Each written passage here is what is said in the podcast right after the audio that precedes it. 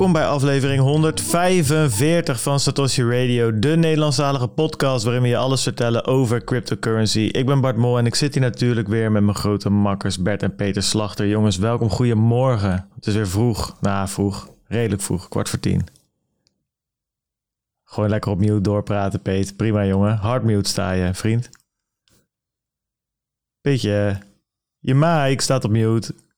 En Bert staat ook op mute. Ja, jongens, jongens, jongens, dit is toch ongekend. Oh, wacht, ik zie al wat ik gedaan heb. Ik heb jullie op mute staan. Ja, kijk, dan weet je het. zelf wel. Ja, ik doe dat altijd omdat Peet anders door die, door, die, door die intro heen zit te smacken. Maar ja, dan, dan gaat er ook wel eens wat fout. Je bent een goedemorgen, jongens. Nu zijn jullie online. Goedemorgen, zei Gaston. Ja, precies. En, eh, Goedemorgen, ik Bart. speciaal voor unmute. Ja, mijn, ja, mijn fout. Excuses, jongens. Excuses, luisteraars. En excuses aan iedereen Maar die het is wat dit... vroeg. Het is Ja, vroeg, hè? ja, het is kwart voor tien, joh. Het is echt... dan Ik moeten we... gehad. Ik heb hier een tweede bakje staan, inderdaad. Maar ik denk dat ik nog maar een uh, espressootje erbij ga, ga pompen, inderdaad. Ik, ik denk dat ik tijdens de donaties eventjes wat koffie haal, jongens. ja, dat is, dat, is, eh, dat is goed. We hebben weinig applausjes, kan ik je al vertellen. Dus dat... ehm, Ah, Oh ja, over applausjes gesproken. Even een applausje. Dat werd gisteren in de chat gezegd, denk ik, ben ik het wel mee eens. Voor onze eigen eh, poortwachter eh, Anonymous, die eigenlijk elke eh, politieke discussie hardhandig de chat uitgeslagen heeft. En daarnaast ook nog bijhoudt wie er te veel Fabgans-credits uitgeeft. En Bert, zoals jij ooit verteld heeft, het fiat-systeem werkt alleen maar als er iemand met een geweer bij de uitgang staat. Hè? Dus ja, dat is onze Anonymous. Een klein applausje voor, eh, voor al je hulp de afgelopen tijd.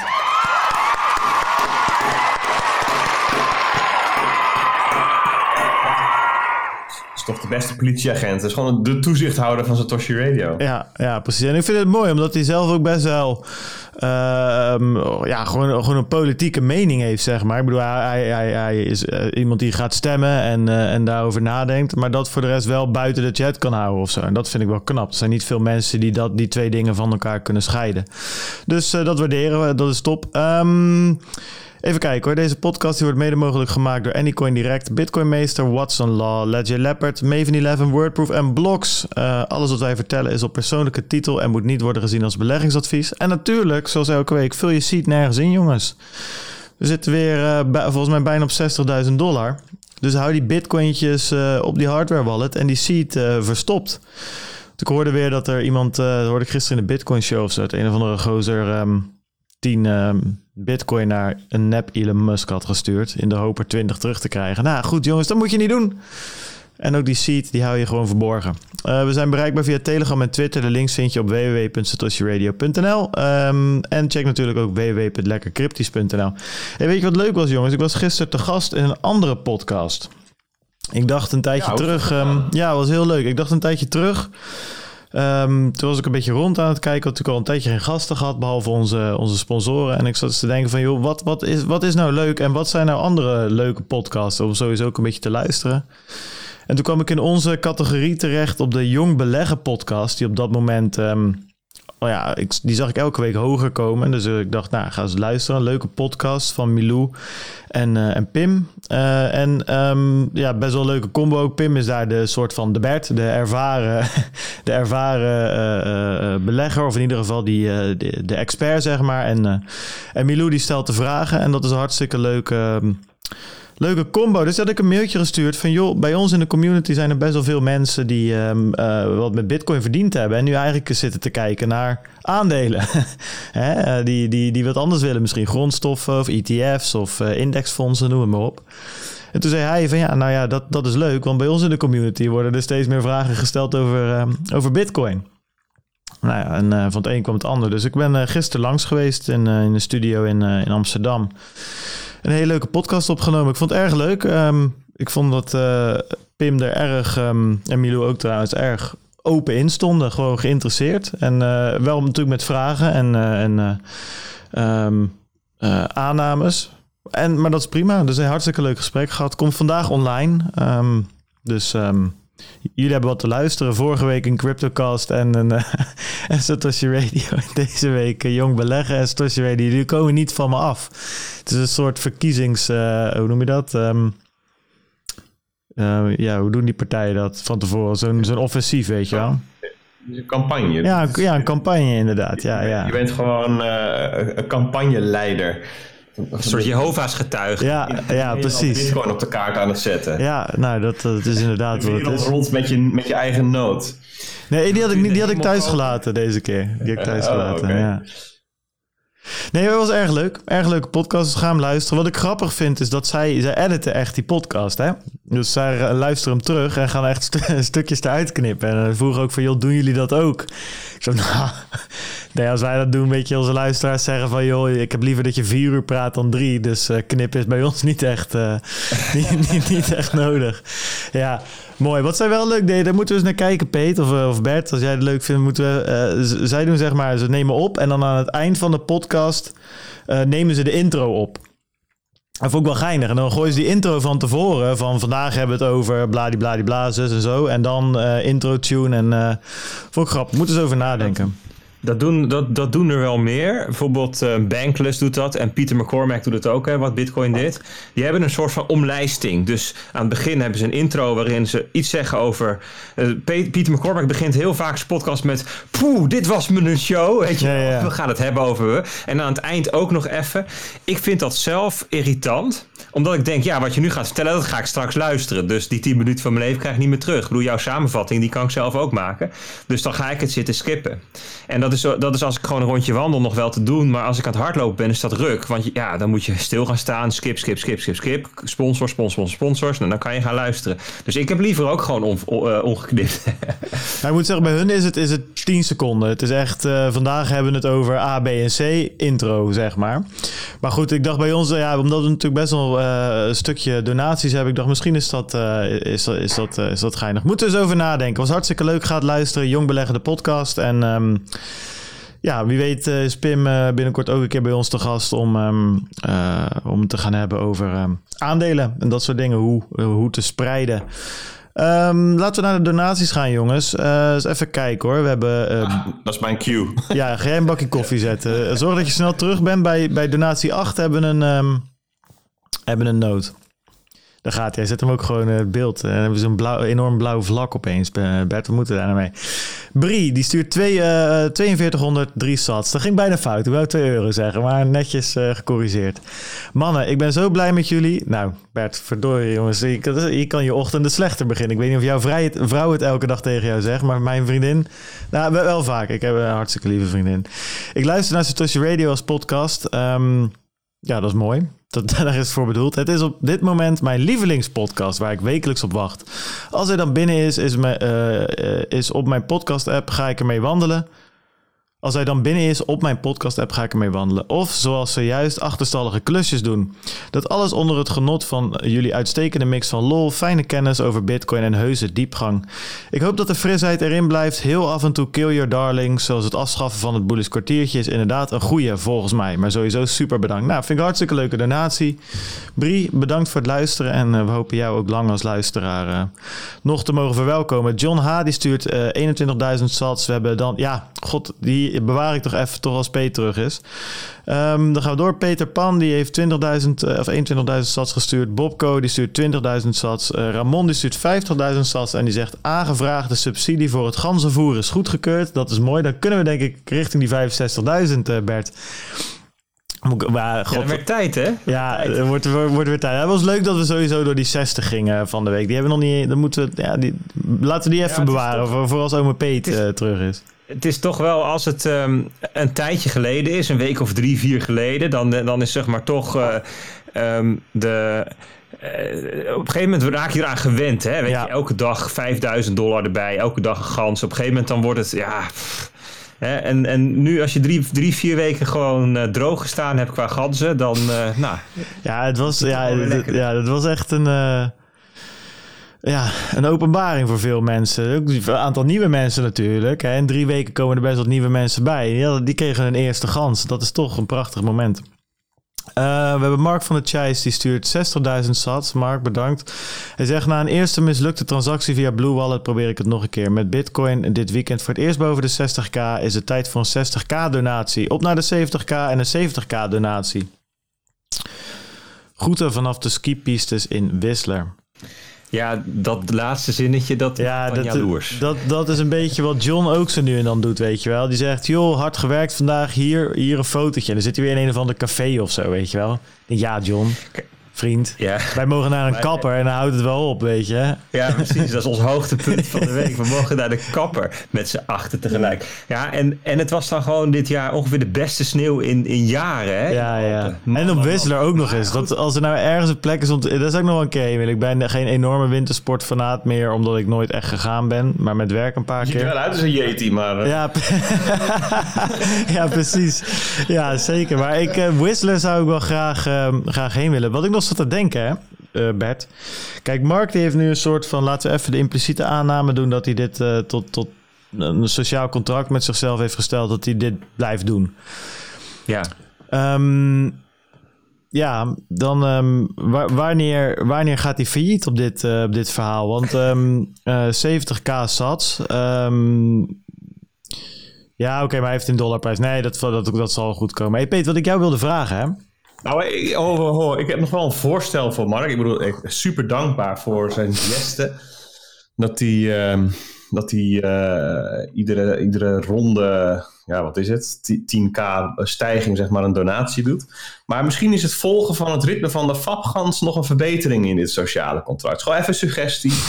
Nou ja, daar, daar hadden we het dus net over, Peet. Weet je, was weg en, en ik had nog een paar donaties geskipt... omdat ik die met jou ook wel wilde bespreken. Maar ehm, ja, toen las ik dit, dacht ik... ja, die, die, die 60k van de week, dat was alweer heel leuk, hè? Halleluja. Ik weet niet, dat echt, dit is wel het maximum hoor, dat, het, dat, dat bitcoin eh, weer een, weer een fabgrens grens doorgaat. Want volgens mij stonden er wat dingetjes op spanning. eh. Zo, holy Moses. Ik heb er een filmpje zo. van gemaakt voor anderhalve minuut. Gewoon één constante stream van ganzen. Dit, was, dit was echt de, de, de langste ejaculatie van vreugde die ik ooit gezien heb. Ja, ja inderdaad, ja. Ik, ik vond die 60k ook wel betekenisvoller dan, dan, dan eerdere. Want weet je, in februari er was het ook allemaal. Je had Tesla gehad. En ja, het was een soort van ehm één grote goed nieuws show. En, en voorafgaand aan die 60k hadden we ja, toch ook wel veel onzekerheidsdingetjes die erin werden gegooid. Je had natuurlijk de, de, de, de India-fut. Je had ehm, ja, eh, ook wel wat tegengas vanuit andere kanten. Ik bedoel, in de media zit er nu heel veel rond het energie, eh, wat er allemaal aan, aan meuk wordt. Dus, dus het was nu minder eh, vanzelfsprekend dat we ook daadwerkelijk nu weer gingen stijgen. Dus het was, ja, dat, ik vond hem wel betekenisvoller dan, dan de 50 of zo, zeg maar. Ja. Het was toch een beetje, eh, oh, daar hebben we weer 5k, weet je. Nee, eens. Het was inderdaad, dat was een soort van de, ja, de, de perfect storm of zo waar we toen in. Het was niet eens een storm, het was gewoon de perfect day eigenlijk. Het was Tesla nog nooit zoiets gezien dat zo'n groot bedrijf erin stapt en dan daar gebeurde nog wat. En daar had je een burgemeester van een grote Amerikaanse stad die, die, die, die bitcoin ging kopen. En nee, inderdaad, dat was... eh, Het kon niet op, het kon wel. niet op, Dus inderdaad. ja. Ja, dat we nu inderdaad, want we waren flink gezakt en dat we nu gewoon weer die 60k doorheen zijn. Dat is, eh, vond ik ook eh, inderdaad, ja, ik heb er voor de rest van TA en al die zooi geen verstand, maar het, gaf mij een goed gevoel, zeg maar. Daar ga ik toch altijd maar vanuit. Ik denk, nou, ja, weet je, dalen naar 42 of whatever, waar we ergens rond zaten. Ik bedoel, eh, voor hetzelfde, ja, voor hetzelfde geld weet ik het, maar je kan ook nog eens even verder naar beneden breken. Zit je opeens op 35. Ja, dat is toch minder gevoel. Zit je toch minder lekker aan de podcast met je bakje koffie om, eh, om half tien. Ehm hey, eh, Peet, een andere leuke, die, eh, die, ja, die bewaren we tot het laatste anders. Die bewaren we anders gewoon tot het laatste. Waar waren we gebleven? Ramon die had subsidie voor het ganzenvoer aangevraagd. Dus we kunnen naar de 65k. Eh, Mark hadden we gehad, Mark van der Chijs. En we hadden, oh ja, Nerdin, Nazar, die heeft 4181 sats gestuurd en een noot. Hij zegt: Jongens, bedankt voor jullie tijdloze inzichten in de complexe wereld van Bitcoin. Dit is mijn allereerste donatie vanaf mijn gloednieuwe noot. Ik heb een aantal rookie mistakes gemaakt, zoals denken dat een 500 gigabyte SSD ook wel zou lukken. Eindelijk op het geldsysteem eh, van de toekomst gekregen. Oh, ik heb hem. Ja, hij heeft zijn noot eindelijk. Hij heeft hem gewoon. Noordin. Of eh, ja, Noordin.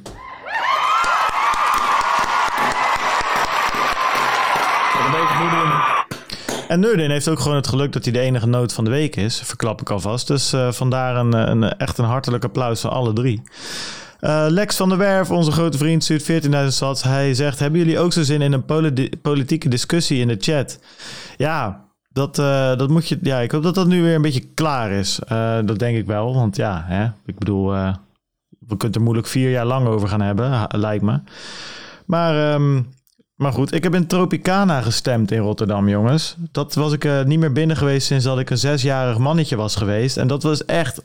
Dat ging voor een miljoen, stond dat te kopen, hè, een aantal jaar terug. Dat, dat tropische zwembad. Oh, je zou maar gewoon toen der tijd zeg maar in bitcoin hebben gezeten, uh, daar, daar had je echt een mooie noodzaak van kunnen maken. Man, wat, was dat, wat hebben ze dat vet opgeknapt aan de binnenkant zeg. Het is nog zeg maar steeds alles glijbanen en zo zitten er is toch een hele tijd een, uh, weet ik veel, een champignonkwekerij geweest. Ja, ja, daar begon het een beetje mee. Die zijn daar een soort van, ja, hebben ze gezegd van ja, wij willen daar wel in gaan zitten, want wij zoeken iets wat, wat nat en, uh, en donker is. Een beetje waar jij ook altijd naar op zoek bent, Peet.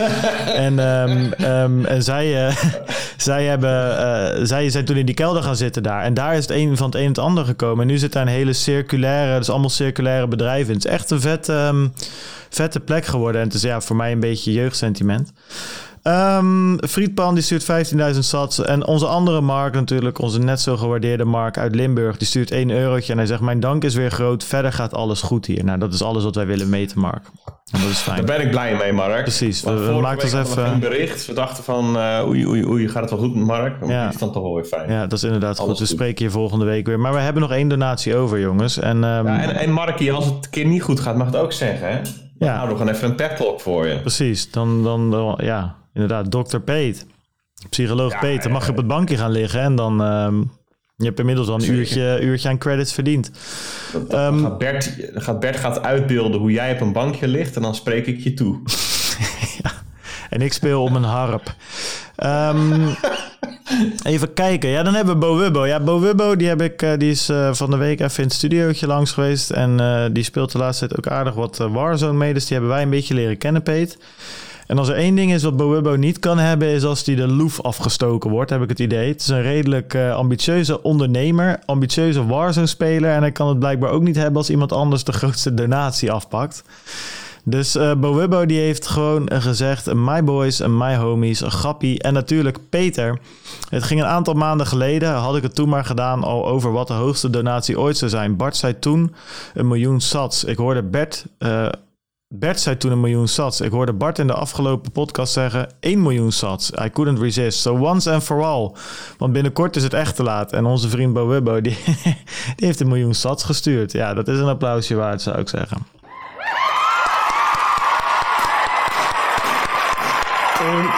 Ongelooflijk. Weet je, eh, het is ongekend waar, waar deze engel dan weer vandaan is gekomen. Ja, maar Bo Wubbo, we hadden het al gezegd, hij is een ambitieuze ondernemer. Want hij heeft er een disclaimer bij gezet. Net als dat wij dat altijd doen, dat we geen beleggingsadvies geven. En hij zegt, deze donatie dient uitgegeven te worden aan consumpties en versnaperingen in mijn kroeg. Nou, dat zegt hij niet, maar op de, in de Satoshi Radio Meetup. Voor alle luisteraars die langs willen komen in SATS. Want eerlijk is eerlijk, SATS stack is belangrijk, maar iets mee doen is nog, uh, nog wel meer belangrijk. Ben ik het mee eens, Bo, Dus fix jij maar gewoon dat, uh, dat we die kroeg van je in kunnen. En uh, dat we pils kunnen halen en dat we in sats kunnen betalen. Dan, uh, dan zullen wij er zeker een... Gewoon en de locatie van, van de meetup alvast vast. En hij, hij zorgt er ook voor, voor dat wat hij zelf heeft gedoneerd ook weer wordt uitgegeven. Ja, en dat hij voor altijd op het plakkaat staat grootste donatie ooit. Ja, een soort Satoshi Radio centrale bank is dit. Waarschijnlijk kan het ook nog aftrekken van de belasting of zo, die donatie. Weet je, een goede doel, goede doelen of zo. Oké, okay, dus eigenlijk was ik een beetje te vroeg met juichen. Ja, ja, ja, klein beetje. hey jongens, vorige week hadden we 1,3 uh, miljoen uh, 58.266 uh, sats.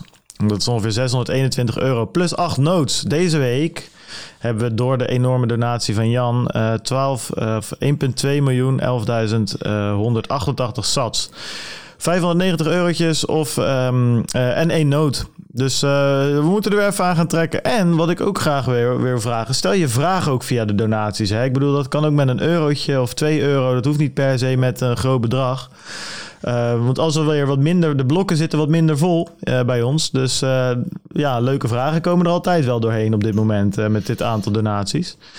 Um, dus stel je vragen ook gewoon. Um, en blijf notes bouwen, jongens. Ik bedoel, één noot. ik ben trots op, op Noordin, maar daar moeten we echt weer even vervaard achter maken. Wil je nou weten hoeveel je SAT waard is of hoeveel je euro waard is in SATs? Kijk dan op sat.trading. Dat is een handige website die we zelf gemaakt hebben. Althans, Jurijn heeft hem gemaakt. En uh, wij zeggen dat we hem gemaakt hebben. Dat is, dat is hoe het gaat. Um, uh, ja, we hebben dus een vraag van Noorden. Hij zegt: Wat zijn jullie gedachten over de potentie van een hard geldsysteem als Bitcoin om de wereld weer over de lange termijn te laten nadenken? Met name refererend aan de tijdsvoorkeurtheorie beschreven in de Bitcoin Standard. Ja. Hebben we daar een mening over, jongens? Uh, wat, wat, ja, wat kunnen we hierover zeggen?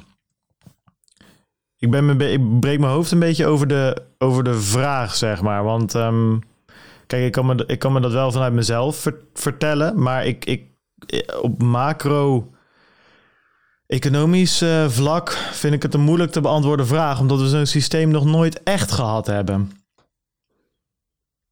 Laat ik zo zeggen, we hebben nog nooit zo, zo hard geld gehad als dat Bitcoin in theorie is. Of wordt over een paar jaar, laat ik het zo zeggen. Nee, dit, is, dit is een typisch zo'n gedachteoefening waarvan ik vaker heb gedacht. Uh, dat zouden we eens uitgebreid moeten doen. Hoe, uh, hoe, ziet, hoe draait de wereld na hyperbitcoinization? Dus hoe draait de wereld als iedereen bitcoin gebruikt? Uh, heb je dan alleen bitcoin of heb je, heb je ook nog geldsystemen die daar bovenop draaien en op bitcoin settelen? Um, wat doet het dan met, met je time preference? Eh, verandert dat de maatschappij? Kijk, het is zo'n brede vraag, omdat geld, geld bepaalt zo ontzettend veel van hoe maatschappijen in elkaar zitten. Um, ik weet niet, je zit niet op mute. Uh. Nee, ik zit te wachten tot ik kan inhaken. Ja, dan moet je even met het type even opletten.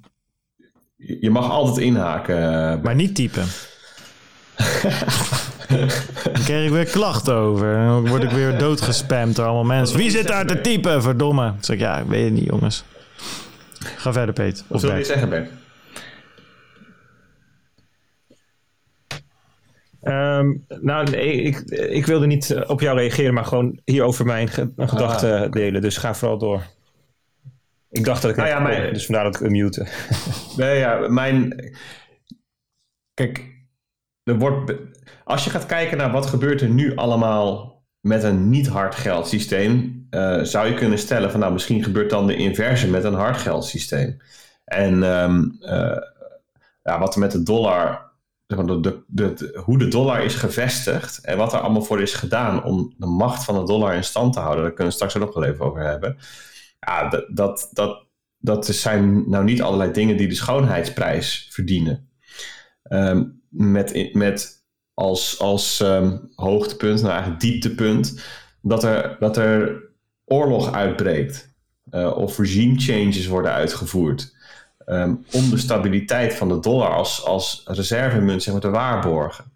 Nou, dat is één kant van de medaille. De andere kant is dat, dat, het, dat het beleid rondom de dollar, bedoel, op zichzelf is dat natuurlijk niet de dollar schuld, maar dat is de schuld van de partijen die, die, die bepalen hoe de dollar wordt uitgegeven en hoe het geldsysteem beheerd wordt. Ja, daar zit een stuk van die loop time, high time, time preference in. Hè, van, van het de, de geld, geld. Moet rollen. De ontwaardering van geld, dat is, dat is inherent aan het huidige geldsysteem. En dat, dat heeft best wel impact op hoe de wereld draait. Dat, dat daar, daar op, op basis daarvan ehm, zijn uitspraken inderdaad gestoeld als geld moet rollen. Maar ook ehm, de enige weg die we willen is omhoog. Er moet groei zijn, bijvoorbeeld. Uh, en er moet geconsumeerd worden.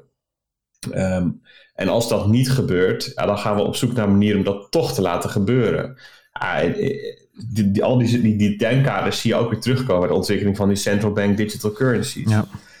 dus het is natuurlijk niet een, een per definitie zo dat als je zegt van oké, we hebben wel hard geld, zoals bitcoin, harder kan eigenlijk niet, dat dat dus de inverse betekent. Dus dat, dat, dat er dus geen, um, uh, geen sprake meer is van een high time preference zoals dat nu is. En dat de wereld dan ineens zich gaat bekommeren om, um, om wat er, niet om wat er volgende week of vandaag moet, maar over tien jaar. Weet je wel, dus dat, dat er een soort uh, dat lijkt me ook een te, een te rooskleurige outlook. En, en en eigenlijk, eigenlijk moet je deze vraag ook in, in perspectief van de geschiedenis plaatsen. Want hoe had de wereld eruit gezien als we niet tientallen jaren uh, van uh, geldcreatie hadden gebaseerd op schuldcreatie? Dat heeft natuurlijk ook voor gezorgd dat er heel veel mogelijk is geweest. Uh, waren we dan beter af dus, geweest? Dat is de reden dat ik altijd een beetje stil word van deze vraag. Er zitten zoveel kanten aan. Ja, je vaart, hè, zoals um, onze grote vrienden, uh, ja, je vaart in de mist. we kennen het allemaal van, de corona, uh, van het corona-verhaal, maar dat is wat het hier wel is. En ik denk, het wordt vaak in mijn ideeën, en dat gebeurt ook in de Bitcoin Standard, en dat vind ik heel interessant. En ik vind het ook wel logisch dat, uh, dat Severdien dat doet hij vergelijkt het heel erg met de goudstandaard. Hè? En dan zegt hij van, nou, dat was het hardste wat we tot nu toe gehad hebben. Dat ging eigenlijk heel goed. Uh, alles uh, was goed op dat moment. En uh, er werd alsnog geïnnoveerd en mensen spaarden en iedereen was blij. Dat is een beetje het beeld wat hij schetst. Um, en Bitcoin is nog harder, dus dat zal dan nog wel beter zijn. Alleen ik denk wat, wat met goud wel heel belangrijk is om in de gaten te houden, is dat er pak een beet gemiddeld anderhalf procent, 2 procent. Um, um, extra goud op de markt komt elk jaar, zeg maar. Dus er zit een bepaalde, eigenlijk wat je nu met Bitcoin ook hebt, er zit een bepaalde inflatie in. Dus die, die, die goudhoeveelheid die breidt zich uit. Hè? Dus dat is niet zo hard als Bitcoin uiteindelijk. Bitcoin stopt bij 21 miljoen. Goud, ja, dat kunnen we niet echt harder of minder, kunnen we niet echt sneller uit de grond halen. Maar we halen het wel elk jaar uit de grond. Dus je blijft daar wel. Um, uh, er was wel mogelijkheid tot groei. Zeg maar dat paste. Groei van de economie, groei van de geldhoeveelheid. Omdat nou, als je meer goud uit de grond haalt, kan je ook meer geld bijdrukken uiteindelijk. Omdat dat aan elkaar, um, aan elkaar verwant is. Dus met een goudstandaard dan. Dus, en, en dat stukje mis je natuurlijk wel met Bitcoin. Dat stopt op een gegeven moment. En, en, en hoe de wereld eruit ziet met een geldstandaard die gewoon, of een geldhoeveelheid die vaststaat. Ja, dat weten we niet zo goed. Dat weten we eigenlijk niet. Uh, want er is altijd wel een mogelijkheid geweest, of het nou uh, die stenen zijn op dat eiland, kralen zijn in uh, glazen kralen in Afrika, of goud in, in, in de honderden jaren hiervoor, of fiat nu om, om, om die geldhoeveelheid mee te laten groeien met de economie. Dus ik ben, ik ben daar vooral heel benieuwd naar. En dat, ja, wanneer gaan we dat zien? Ergens in uh, een jaartje of 10, 15 komen we daar wel in de buurt met Bitcoin volgens mij. Dat die uh, subsidie eigenlijk weg is. Nou, dat, dat duurt nog ietsjes langer, 2040, dat, um, dat, dat het echt verwaarloosbaar is. En ja. het idee is 2032, dus dat is over een jaar of tien, dat, dat het crossover point er zou moeten zijn. Dus dat de blok subsidie en de transactiekosten ongeveer gelijk zijn, 50-50. Dus dat zou het punt zijn dat het, dat het zwaartepunt verschuift naar transactiekosten. Met andere woorden, rond die tijd, na die tijd, moet de, de, de, de waarde die op Bitcoin wordt gesetteld zo hoog zijn dat het de, beveiliging kan betalen. Uh, maar kijk, waar, waar je het over hebt, is de vraag wanneer um, is de adoptie van Bitcoin voltooid? Nee, want dat is dus. De, kijk, tot, tot, tot het moment dat de adoptie voltooid is, um, zeg maar even in de S-curve van de adoptie dat je helemaal in het bovenste stuk, het concave stuk van de, e, van de S aankomt. En je zegt van, ja, nu, nu komt er niet zoveel meer bij. Hè? Dus je hebt 80% van 90% van de uiteindelijke adoptie is bereikt. Vanaf dat moment zal Bitcoin niet meer in prijs stijgen, of in totale waarde stijgen, op basis van extra adoptie. En dat is wat we nu vooral zien. Als je 100 miljoen bitcoiners hebt en het worden er 200 miljoen, ja, dan verdubbelt de prijs. Het heeft helemaal geen bal te maken met inflatie of um, stock-to-flow of um, economische groei. Dat is allemaal irrelevant ten opzichte van de adoptie. Als, de, als, als er vijf keer of tien keer zoveel mensen het gaan gebruiken, dat kan nu nog, ja, dan stijgt de prijs ook tien, keer 10. En, en, en, en als de inflatie dan van 1,8 naar 0,9 gaat bij de volgende halving, ja, dat is voor dat is dan ten opzichte van zeg maar de vraag en aanbod door nieuwe mensen is dat irrelevant nog. Dat is een, een, een, een, een zandkorreltje ten opzichte van een, eh, een enorme berg. Maar er komt een punt dat je dus niet meer groei van Bitcoin kunt halen uit adoptie. En dan, en dan kom je op de vraag hoe zit het met die balans tussen economische groei uh, wereldwijd. En, en, dat kan komen economische groei doordat de wereldbevolking toeneemt of doordat de arbeidsproductiviteit toeneemt. Hè? Dat is een beetje de economische theorie. Um, en als die economische groei 2% is of, of, of 5% is wereldwijd en de geldhoeveelheid blijft gelijk en de adoptie blijft ook gelijk, ja, dan betekent dat dat je deflatie hebt van 5%. En dat is, een, en dat is de vraag. Um, hoe, ziet dat, hoe ziet dat er dan uit? Um, en en uh, dat, is, dat is pas een situatie die je eigenlijk pas over best wel lange tijd zult zien, denk ik. Ja, dat is natuurlijk de vraag. En dat is natuurlijk waar het allemaal nu ook over gaat. Al, die, al, die, al het gespeculeer. Ja, de supercycle en weet ik veel wat. Wat is de termijn? Hè? Ik bedoel, Michael Saylor die heeft er echt een hele heftige beeldspraak altijd bij over een planeet van geld of zo. Een planeet van waarde met een, een brandende kern. En dat is dan bitcoin. Heeft hele, hele ideeën erbij. Maar is dat 10 jaar? Is dat 20 jaar? Is dat 30 jaar? En we hebben het gehad over ehm, de dollar die instabiel of, hè, of fragiel is. Hoe lang kunnen ze dat nog in stand houden? Of, of komt er een monetaire transitie naar iets anders? Is dat 5 jaar? Is het 10 jaar? Is het 20 jaar? I don't know, man. Dus, dus het redeneren over de Bitcoin standaard, want daar hebben we het over, in plaats van een dollar standaard of een fiat standaard. Ja, dat, dat redeneer je dus over een, een, een punt in een onbepaalde hoeveelheid tijd in de toekomst. Hoe dat eruit zou kunnen zien, ehm, hoe dat, wat het effect is op mensen, kijk, dat kun je natuurlijk al wel wat eerder zien. Want, want iemand kan wel individueel beslissen om, om, om, om een bitcoin standaard voor zichzelf te gaan hanteren. Dus zeggen, ik spaar in bitcoin.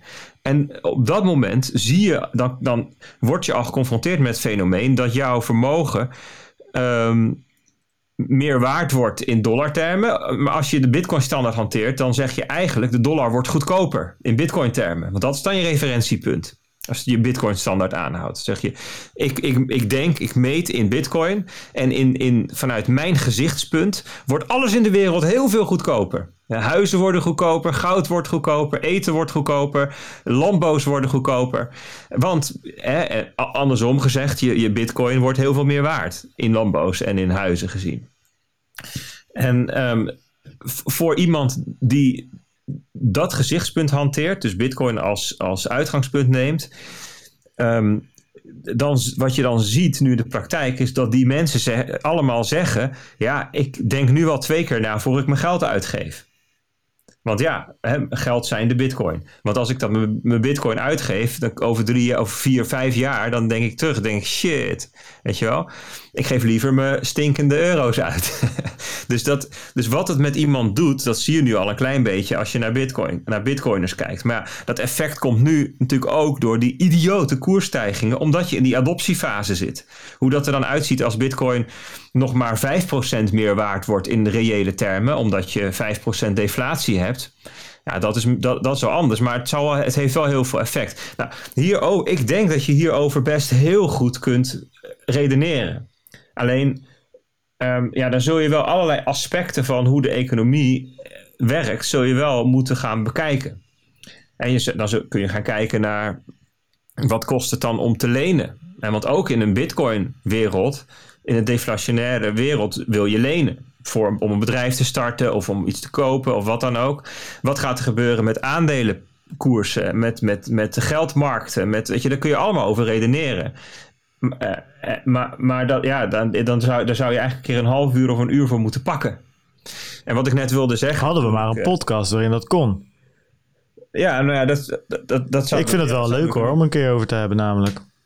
Ja, precies. Maar dan, zo, dan zouden we daar misschien gewoon ook de tijd voor even voor, Zeker moeten, weten. voor moeten inplannen. Ik heb met um, um, Chat Raouf heb ik een podcast opgenomen een paar weken geleden. Vocast heet zijn podcast. Dat is ook een lange van twee, ruim twee uur geloof ik. Maar daar hebben we het hier ook over. Dan, kijk, dat is gewoon een tweegesprek. Dus dan praten we met z'n twee over het onderwerp. En dan gaat het eigenlijk alleen maar over dit. Over, over het redeneren over geld en over uh, inflatie en, en, en deflatie en hoe dat in de toekomst eruit ziet. En uh, een heleboel andere onderwerpen die er eigenlijk aan vastzitten. Want het zijn, dingen, ja, die dingen zijn allemaal met elkaar verbonden. Ja. Dus nee, ik, denk, ik denk dat je in, je in je in je verhaal de spijker op zijn kop slaat. Maar ik denk dat het dus belangrijk is om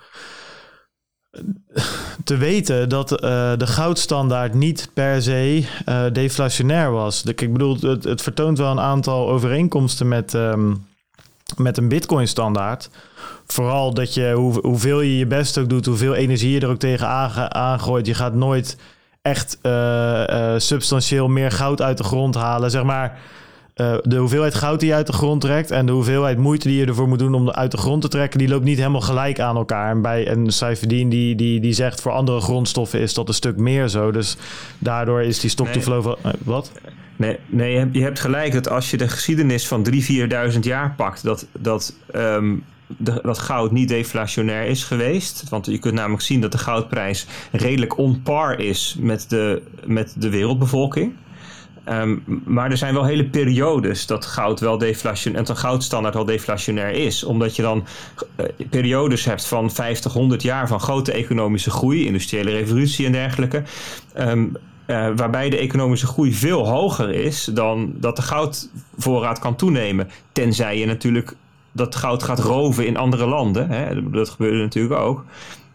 Maar um, er zijn, als je de geschiedenis bestudeert, best wel hele lange periodes geweest dat, um, dat, dat, dat de economische groei of de bevolkingsgroei, in ieder geval dat de economie sneller groeide dan, um, dan, dat er aan goud, dan dat er aan goud gedelft, gedolven komt. Nee, dat, daar heb je, dat, is, goed dat je dat zegt, maar waar, waar ik op doel is dat um, zeg maar, bij Bitcoin komt er op een gegeven moment gewoon geen Bitcoin meer bij ongeacht economische groei, ongeacht wat fiat currencies doen, de hoeveelheid dat is bitcoin... Alleen maar relevant en dat is, dat is alleen maar interessant of wat erbij of eraf gaat ten opzichte van de rest. Op zichzelf zegt dat niks. Ja. Ja, goed. Weet daar moet ik even over nadenken. Dat weet ik niet of, of ik daar in eerste instantie helemaal um, uh, mee eens ben. Of überhaupt snap um, wat je nu precies bedoelt. Um, maar mijn punt is gewoon, waar het op neerkomt, is dat een Bitcoin-standaard iets waar gewoon nooit meer extra bij komt, ongeacht omstandigheden, hebben we nog nooit gezien. En ik vind de één op één uh, bijna uh, vergelijking die er vaak met goud gemaakt wordt. En, en dan de, de, de toevoeging van Bitcoin is nog harder, dus nog beter. Te kort door de bocht. En voor de rest, Bert, ik denk dat het heel goed is inderdaad om na te gaan denken van. Uh, wat. Ik vind vooral lenen heel erg interessant als mijn, uh, mijn bitcoins 5% meer waard worden per jaar, ja, dan, dan ga je wel goed kijken naar wie je het uitleent. En dan wordt vaak door bitcoiners gezegd dat is goed, want uh, dan wordt er gewoon geïnvesteerd in de betere startups en niet meer in de slechte startups. Ik denk, ja, daar heb je ook misschien nog wel last van een soort van survivorship bias of, of, of, of hindsight bias. Van ja, achteraf kunnen we allemaal zeggen dat we in Amazon hadden geïnvesteerd. Maar ja, misschien was Amazon ook wel gewoon uh, een schot hagel... waar ook nog 50 andere dotcom-bubbelbedrijven bij zaten die gefaald zijn... die met een Bitcoin Standard helemaal niet gefund was. Dus ik vind dat een hele leuke discussie. En ik vind dat, we, dat Safe best wel een mooie uiteenzetting maakt. Maar zijn boek is meer één grote column. Uh, die ik zeker niet zomaar als een soort van objectieve waarheid aan zou nemen. En ik vind dat we dat wel iets te vaak in de Bitcoin community doen. Um, dus laten we daar eens een uitzending aan wijden. Laten we dat gewoon doen. Lijkt me een hele goeie. Waar je dan ook over na moet denken, ik denk dat dat een belangrijke invalshoek is van hoe ziet de toekomst er um, überhaupt uit qua grote um, thema's. Dus, dus je hebt te maken met vergrijzing. En dus het, dus die, dat is sowieso al deflationair. Je hebt te maken met enorme technologische groei. Dus nieuwe technologie, dat is ook deflationair. Ik bedoel, uh, dat, is zeg maar de categorie A uit het, uit het artikel wat we een tijdje terug schreven. Al die dingen die gedigitaliseerd worden. En dat wordt in de toekomst alleen maar extremer. Uh, eigenlijk, bedoel, er zijn ontzettend veel dingen waar nu nog mensen voor nodig zijn, waar straks geen mensen meer voor nodig zijn.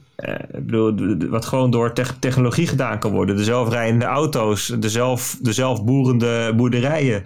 Um, de zelfrijdende banken, weet je. De, bedoel, dat is allemaal deflationair. Dus je, de, die, krachten zijn er sowieso al. Hè? Dus um, in, in zo'n soort context moet je ook kijken naar je geldsysteem. Uh, uh, dus, dus dat is. Um, je hebt best wel wat puzzelstukjes eigenlijk te verkennen. Wil je echt goed kunnen iets kunnen zeggen over hoe 2030, 2040 eruit zou, zouden kunnen zien. En wat dan het verschil zou kunnen zijn tussen een dollar en een, of een fiat en een eh, bitcoin standaard. Ja, als je de, ik, heb wel wat aannames, dus, dus even wat kort door de bocht. Antwoorden slash aannames. Dat ehm, uiteindelijk ver- ehm, rijkdom en vermogen beter verdeeld gaat worden. Ehm, ook dat per definitie dus beleid van mensen, zo, zoals dat nu door centrale banken wordt uitgevoerd, maar ook door overheden, natuurlijk ehm, plaatsmaken voor eh, het protocol van Bitcoin. En dat daar minder ehm, perverse prikkels in zitten. Die bijdragen aan, eh, aan onrechtvaardig geld, zeg maar. Dus de rechtvaardigheid van geld neemt toe. Ehm, ik denk ook dat ehm, het moeilijker wordt om investeringen te doen. Of anders gezegd, dat domme ideeën minder lang eh, op geld kunnen rekenen, zoals dat nu wel het geval is. Nou, weet je, en zo zou je een aantal aannames, eh, hypotheses zeg maar, kunnen gaan bespreken. Dat is best leuk om te doen, ja. Ja. Ik ben het wel met Bart eens, moeten we een andere keer doen. Maar eh, nou, dit, dit, ja, is ik, ik las dus laatst een, eh vond, ik heel interessant artikel over Moore's Law, die we al een aantal keer voorbij hebben eh, horen komen. Hè? Dus dat, ehm, kort gezegd, dat de processorkracht elke twee jaar verdubbelt. Daar komt het op neer, op hetzelfde chipoppervlakte. Dus chips blijven even groot, maar worden dubbel zo snel. Ja, dat houdt nu op een gegeven moment op. We hebben nog een paar cycles te gaan. En daarna is het gewoon, ja, dan moeten we zeg maar moleculen gaan splitsen die al op het kleinste niveau zitten. Dus dat kan niet meer. Dus we moeten, dat is wel heel interessant. Dat was een beetje sinds 1970, toen dat eh, door Moore eh, verzonnen is, is dat een beetje de, de drijvende kracht geweest achter de technologie sector. Van nou ja, maakt allemaal niet zoveel uit wat we doen. Over twee jaar hebben we toch extra processorkracht. Dus hop, eh, ga met die banaan. Ja, dat houdt op. Eh, en ehm, ja, goed, dan gaan we vast wel wat verzinnen om daar wat mee te doen. Er zijn al allemaal ideeën over om daarmee om te gaan. Maar dat is ook een hele interessante. Dus zeg maar die, die, die exponentiële groei qua processorkracht en qua rekenkracht die we de afgelopen 50 jaar gezien hebben. Dat, dat was ja, die, die, die constante kracht, daar kunnen we niet meer zo op leunen in de toekomst. Wat ook weer een hele interessante dynamiek is. Want dan, ja, dan ga je dus een beetje naar een wereld toe waar je opeens misschien een, een, een breakthrough hebt en dan misschien tien jaar niks. Terwijl het nu elke twee jaar, nou ja, kon je ervan op aan. Dus dat, dat vind ik ook, vond ik ook een hele interessante eh, eh, kijk. Dus daar, misschien moeten we een keer een toekomstaflevering maken of een toekomstserie of zo. Het lijkt me best wel leuk eigenlijk. Ehm, glazen bol. ja, de glazen bol inderdaad. Hey, laten we nou in het kort gaan. Eh, Peter, jij hebt iets over Visa eh, gevonden. Oh ja, ja, ja, ja, ja. Dit was weer een. Ja, ik vond dit best wel een, eh, een, een bijzonder weekje toch wel hoor. We, we kwamen uit ehm, ja, een paar dagen geleden. Wat was de Bitcoinprijs? 52k of zo? 53? Op, de- ik weet niet precies wat het laagste punt is geweest. Bert weet het natuurlijk uit zijn hoofd. Ehm, maar eh, maar, het sentiment is eh, sinds gisteren, eergisteren best wel gekanteld. En ehm, ja, er kwamen wel een aantal dingen langs. eh, van een Morgan Stanley die zegt: joh, ik ga. ja, Morgan Stanley is natuurlijk niet de persoon, maar het bedrijf dat zegt: joh, ik ga vermogenden ga ik, ga ik toegang geven tot de Bitcoin-markt. Eigenlijk via, via een select aantal fondsen. Dus het is niet, een, eh, niet per se een directe blootstelling.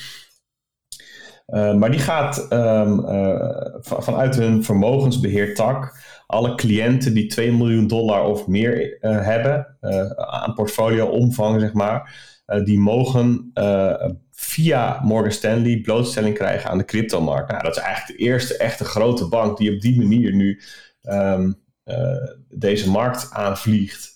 Eh, ze hebben een, ehm, ehm, een, een rapport daarbij eh, gelanceerd eh, met de naam The Case for Cryptocurrency as an Investable Asset Class in a, in a divers- Diversified Portfolio. Ehm, Ja, dat is best wel, best, dat is best best wel een nieuwtje. ding. Ja, toch? Vond ik wel. Ja. best wel gewoon, ja, best wel groot, denk ik. Ehm, en je- het wordt gewoon steeds moeilijker, zeg maar, voor de rest van de wereld. Want ja, weet je, Amerika heeft toch weer een beetje een, een, een kartrekkersrol op zich genomen. Maar voor de rest van de wereld om te negeren eh, dat dit een ding is. Zeg maar, de Nederlandse banken kunnen steeds moeilijker zeggen: van, oh, daar hoeven we niks mee, al dat Bitcoin. Nee, precies. Het gebeurt gewoon. Ja, maar dat is, dat is heel, in, in, in, een heel interessante dynamiek. Want ehm, ik, ik hoorde Bert laatst ehm, eh, eh, die, die begon erover hoe je moest eh, eh, als accountant om moet gaan met Bitcoin. En ehm, toen vertelde hij iets, toen dacht ik, nou, dit, dit, dit, eh, dit kan toch niet, zeg maar. En toen dacht ik, ja, ik moet hier eigenlijk ook, ik werk, bij een accountantskantoor, ik moet hier ook even wat van weten. En toen dacht ik, ik heb in mijn saved messages nog dat rapport van Deloitte staan, die daar precies over dit wat geschreven hadden. Dus ik dacht van, die had ik al een tijdje op de leeslijst, denk gisteren, ik ga hem eens lezen. Nou, en precies wat Bert zei, dat, dat was het ook natuurlijk. Ik bedoel, Bert die vertelt geen onzin. Maar mijn punt is meer dat dat zo onzinnig is dat zeg maar die, die accountants hè, van, van Deloitte en, en van PwC en van al die grote kantoren, die zijn dan hierna gaan kijken bij MicroStrategy. Of nou, in dit geval was dat dan Deloitte. En die gasten hebben gezegd, ja, nou ja, eh, we doen het maar op deze manier. Dan, ja, dat, dat, dat kan. Het is echt, daar komt het op neer. Dan kan het. Maar dan krijg je dus dingen dat op een gegeven moment als jij, eh, want het moest in, als eh, indefinite lived intangible asset of zo moest het staan. Maar als jij dus als Tesla Bitcoin wil ontvangen voor je auto's, ja, dan, dan ontvang je betalingen voor je producten in, in een eh, indefinite lived intangible assets. En er werd ook gezegd van ja, dat er klopt ook voor gemeten. En die accountant zei ook van ja ja, als je als bedrijf wil eh, en je wil eigenlijk eh, goede weergaven van je cijfers geven, dan moet je maar ehm, ja, eigenlijk een paar extra bladzijden aan jaarrekening toevoegen waar je zegt van ja, die intangible assets die staan wel tegen kostprijs in de boeken, maar inmiddels zijn ze 10 triljard waard, net als bij MicroStrategy. Dus let even op, we hebben eigenlijk veel meer geld dan in de boeken staat, om een voorbeeld te geven. En uh, mijn punt is, uh, relating to um, in, in, bij dit nieuwsbericht, zeg maar als die banken, als meer MicroStrategies hiermee aan de slag gaan, precies wat die accountant ook zegt, van die, die, die General uh, Accepted Accounting Principles, die US GAAP bijvoorbeeld, hè, waar, waar het in dit geval ja. over ging. Op een gegeven moment moeten die mee. Die gaan uit zichzelf niet veranderen. En accountantsorganisaties ook niet per se. Maar wat je hier ziet is de klant die zegt: Nou ja, uh, accountant, kijk maar wat je doet. Ik heb voor een miljard bitcoin gekocht. En uh, ik betaal jou een mooie prijs om het in, mijn boeken, in, in de boeken te krijgen. Ja. En die accountant heeft zoiets van, ja shit, dit kan niet. Nou, op een gegeven moment vier van die grote, de big four... die gaan zeggen uh, tegen zo'n zo'n accounting... zeg maar de, de, de, de, de partij die die regels beheert... van ja jongens, we moeten hier iets mee. En zo zie je maar weer dat echt als de markt ergens aan begint te trekken dan gaat het. En je ziet dus in precies wat Peet zegt, die Nederlandse banken die kunnen niet achterblijven. En op een gegeven moment moet de DNB er wat mee, moet de AFM er wat mee. Want dan zeggen die banken gewoon, ja, wij, onze vermogende klanten willen dit. Wij willen dit aanbieden. Wij gaan dit aanbieden. Um, zorg maar dat er regels voor komen. Ja. Kijk, maar even naar Nederlands, hè, dan is het immateriële vaste activa, hè Bart, denk ja, ik? Ja, zoiets inderdaad, ja. En um, dan zit het dus in dezelfde categorie als goodwill en als intellectuele eigendom. Dus als je bijvoorbeeld uh, auteursrecht hebt op software of zo, of je hebt, uh, de, de, in die categorie valt het dan. Dat is natuurlijk wel best wel wazig. Ik bedoel, als jij als bedrijf um, voor 10 miljoen aan Zwitserse franken hebt, dan, dan, dan, dan wordt het anders behandeld dan bitcoin, schijnbaar in Amerika. Maar volgens mij in Nederland wordt het uh, bedrijf zeg maar, in de bedrijfsadministratie wel gewoon gezien als vreemde valuta. Dus dat zou kunnen, ja. Ik ben ook helaas geen, uh, of helaas, ik ben heel blij dat ik geen accountant ben, maar dat had hier wel geholpen. Ja, maar het wordt ook gewoon vreemd, Bert. Dan krijg je dus op een gegeven moment verkoop je een auto en dan krijg je er hetzelfde voor terug, uh, wat in je boeken staat als inderdaad copyrights of zo. Dat, het, het, het, het, is, het, het, het klopt gewoon voor gemeten natuurlijk. Ja, dus het is, het, het, dat is wel interessant. Dus ik zou wel willen weten van hoe hoe doet bijvoorbeeld Europa het of Zwitserland? Want Zwitserland probeert natuurlijk ook gewoon uh, de shit goed te regelen voor cryptobedrijven. Dat is een van hun speerpunten uh, geweest. En, en, en hoe Nederland dat doet, weet ik eigenlijk ook niet. Dus dat ja, en weet je wat, wat er wel belangrijk is om in de gaten te houden? Grote Nederlandse bedrijven zijn ook vaak weer genoteerd op uh, de Amerikaanse beurs. Uh, hè, er zijn best wel een paar flinke, flinke bijvoorbeeld Egon is er eentje om een voorbeeld te noemen. Um, dus die moeten weer voldoen aan uh, Amerikaanse regelgeving, waaronder dus ook weer die gebaseerd is op die US GAAP, General bla bla bla uh, Accepted Accounting Principles. Dus ja, het is allemaal verweven en, en Amerika is hier toch ook wel een belangrijke, belangrijke speel in. Dus, uh, maar het is een goede vraag. Dus het is leuk om eens een keer te kijken. Ik zal ze ook eens even rondvragen of ik kijken of ik een accountant kan vinden die dat kan duiden voor me. En nou, nou, als ik daar een Nederlandse directeur of president van PwC even uit. Ja. Schrijft hij even aan in de show. Ga, ja, la, laten, we, laten we de slapende honden alsjeblieft uh, slapend houden.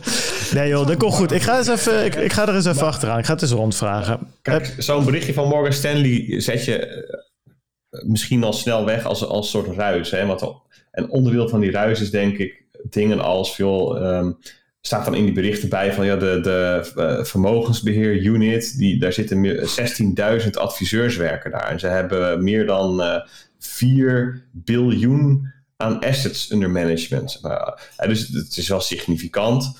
Maar inderdaad, het signaal is hiervan dat andere banken hier dus ook mee bezig zijn. Zeker in Amerika concreet. Dat, dat, dat, ja, dat, dat, dat, is, dat, dat, ontkom je niet aan. Als, als, als een van je concurrenten zo'n stap neemt, dan volgt de rest ook.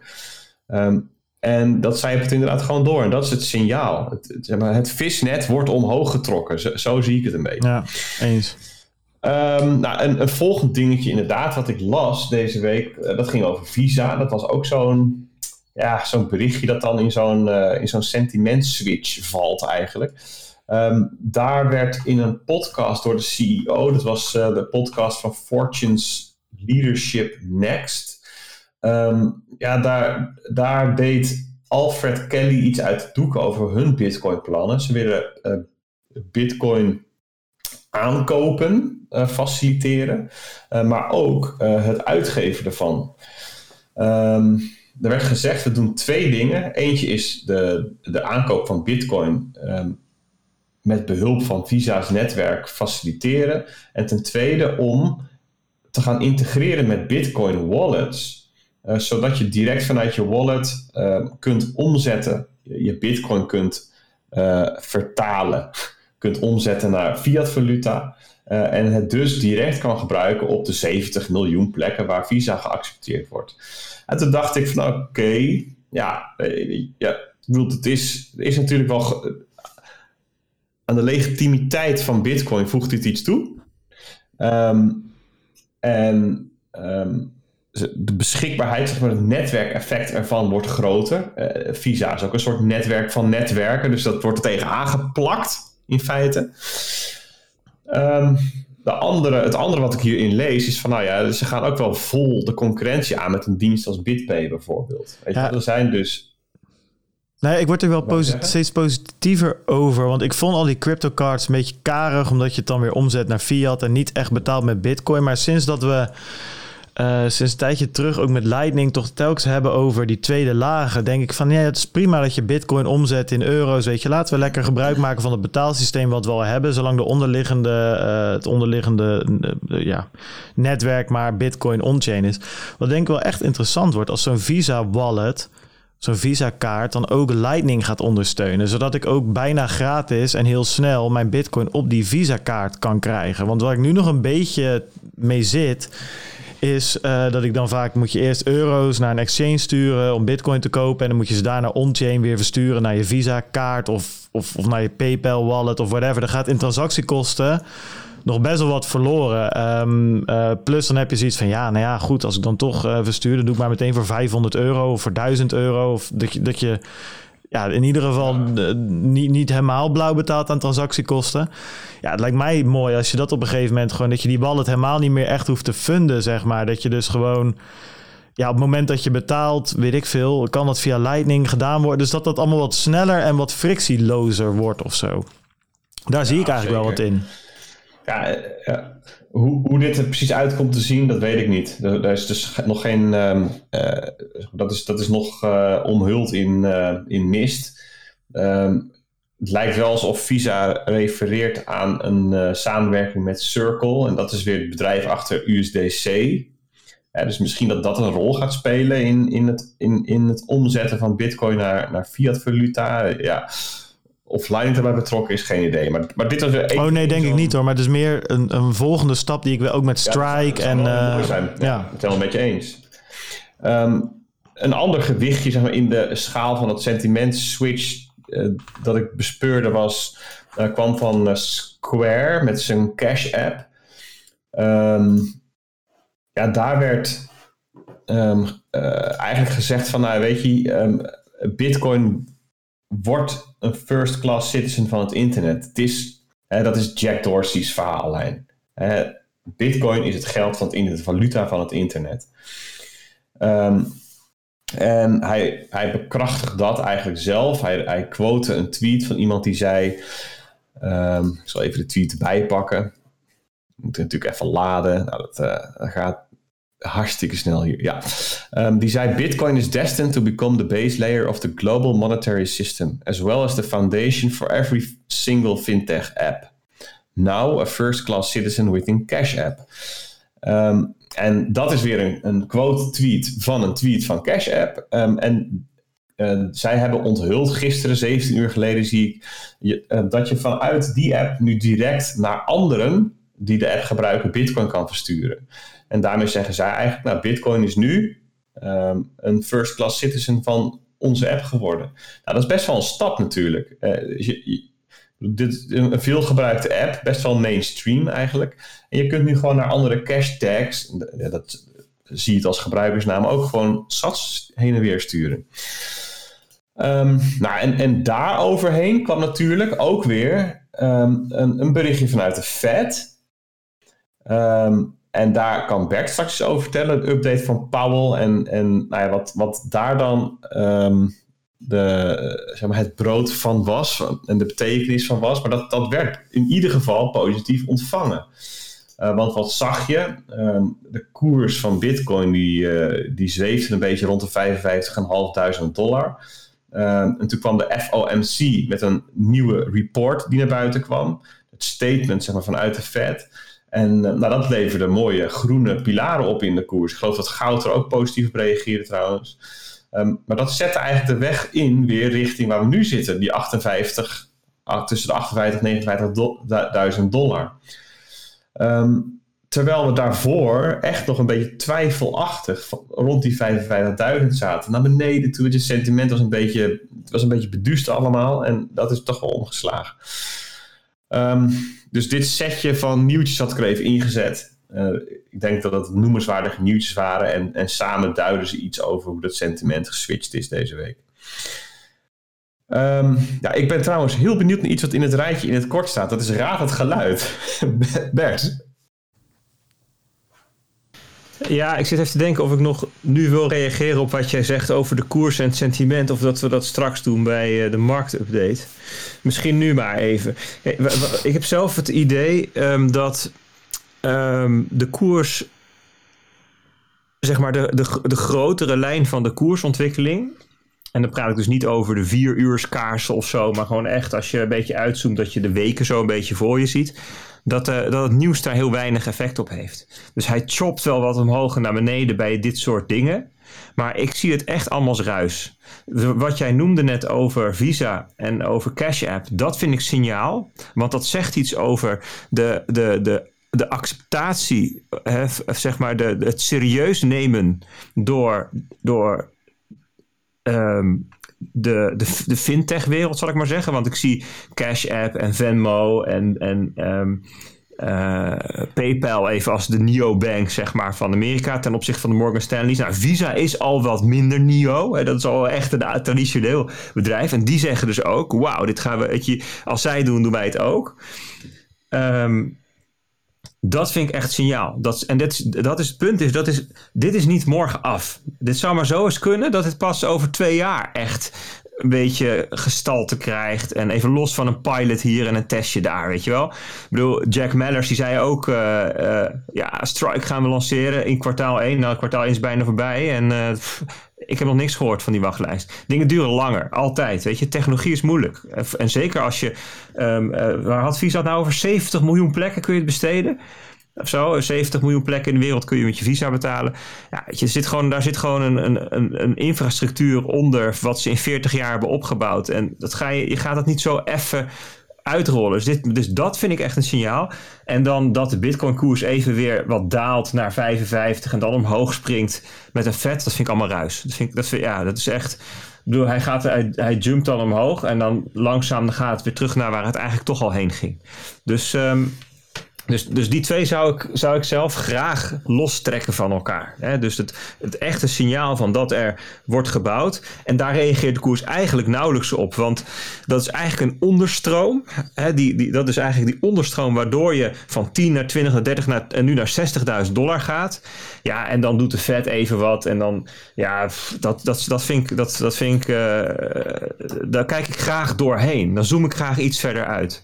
Um, dus die wilde ik daar graag aan toevoegen. Met lange termijn perspectief zijn het natuurlijk sowieso allemaal afrondingsfouten.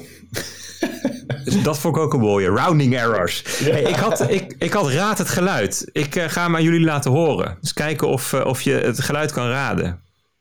Moet kijken of het lukt ook.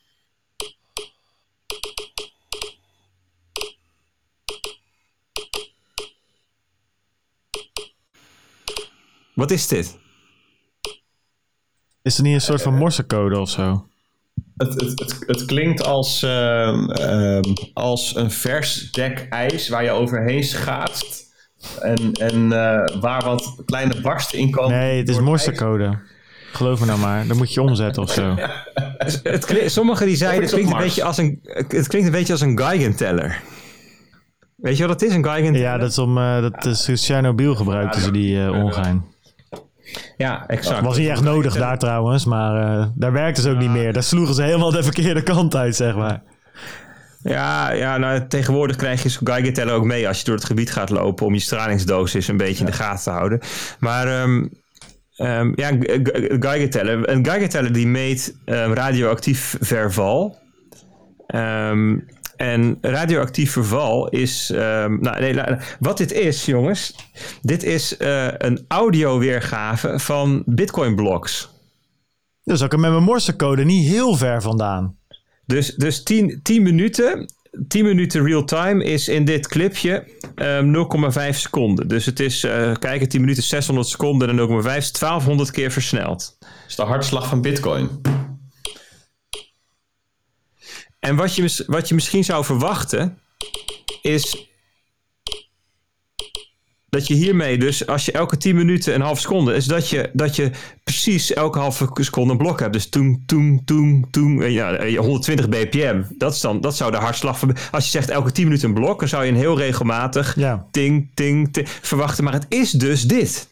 In als feite. als arts hoort, dan spreek je wel van een forse hartritmestoornis, zeg maar. Nou, precies. Maar even terug naar die Geigenteller. Een Geigenteller, uh, zeg maar, radioactief verval is, is, is het meest, een van de meest random dingen die wij kennen. Dus radioactief verval wordt ook gebruikt als um, de, een van de meest veilige vormen om echt randomness te genereren. Um, en Bitcoin, zeg maar, die blocks, die, die, die lijken dus meer op een random proces dan op een iets regelmatigs. Dus dat vond ik wel grappig, want we zeggen wel vaak, ja, 10 minuten, zitten 10 minuten tussen de bloks. Ja, gemiddeld dan, hè? Maar als je dan zegt, ja, gemiddeld dan, hè, dan denken mensen misschien, ah ja, dus het varieert tussen de 9 en de 11 minuten. Nee, het varieert tussen de uh, 1 seconde en de 40 minuten. En er zit een wijze variatie zit tussen. Sterker nog, een gedeelte, um, als je het echt naar tijden terugrekent, is negatief. Omdat soms wordt het volgende blok met een tijd delta die negatief is ten opzichte van de vorige. Want een miner die zet er zijn eigen timestamp op. En dus dus die, die, die distributie is nou ja, behoorlijk random. Ik vond het leuk. Nee, dat is grappig, want zo nu en dan in de, in de chat komt het ook wel langs. Als we dan weer, als we weer naar een record toe gaan, zeg maar langs de tijd tussen twee blokken, dan kan je de, de klok op gelijk zetten dat Kloek alweer uh, voor een Block Explorer zit. En dat is altijd wel grappig. Van, inderdaad, soms duurt het echt wel heel lang uh, uh, tussen twee blokken. ik heb al een paar keer een, een, in ieder geval een uur of, of twee uur of zoiets in die richting gezien. Dat kan. Um, dat is interessant inderdaad. Maar en, en nu, als je dit dat dan had geraden en gebeld, dat had je een bitcoin gekregen? Of hoe zit dit? Of is dit je eigen raad, het geluid?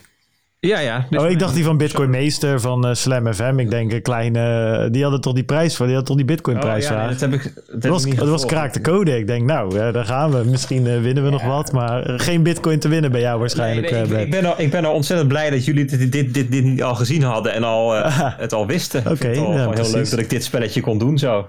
dit was hem ook. Oké, okay, ik, ik heb nog wel een... Um, nou ja, niet echt een leuk nieuwtje. Wel een heel interessant nieuwtje. Ik zat gisteren het journaal te kijken. En toen kwam er na al het verkiezingsgeweld... kwam een update uh, uit Libanon. En uh, in Libanon wordt de boel uh, letterlijk afgebroken. omdat, um, omdat er sprake is van hyperinflatie. Nou ja, goed, er is wel sprake van, van meer. Alleen de hyperinflatie, ja, dat is, ja, dat is natuurlijk een gevolg van van alles en nog wat. Maar het zorgt er wel echt. Ik weet niet wat ik over wil zeggen, maar ik zat het te kijken. En, en, en het is e-, echt een dystopisch verhaal, was het. Uh, winkels waar je dan uh, ja, alleen nog maar met creditcards in dollars kon betalen. Of waar, er, waar je überhaupt die winkels die dicht gingen. Of winkels die leeggeroofd werden. Uh, het, waar, ja, het, is, het is complete chaos, zeg maar. En er is ook geen officiële wisselkoers meer. Uh, want de wisselkoers die was, die is vastgezet op volgens mij 1500 Libanese pond voor 1 dollar. Al jarenlang. Um, maar je kan dus nu niet meer je ponden inwisselen bij de bank voor dollars. En dus er is alleen nog maar een onofficiële markt waar je dat dus wel kan doen. Waar natuurlijk gewoon ja, de, de, de, de pleuris is uitgebarsten. Dus uh, de laatste schattingen zijn dat je nog. Um, uh, de ene dag was het 10.000 pond voor, uh, voor een dollar. En de dag erna was het 15.000 pond voor een dollar. Dus ik heb het even een beetje zitten kijken. En, en Libanon, het is geen. Ik bedoel, het, het, is, het, is niet het rijkste land van de wereld. Zeker niet. Daar komen we zo nog wel op terug.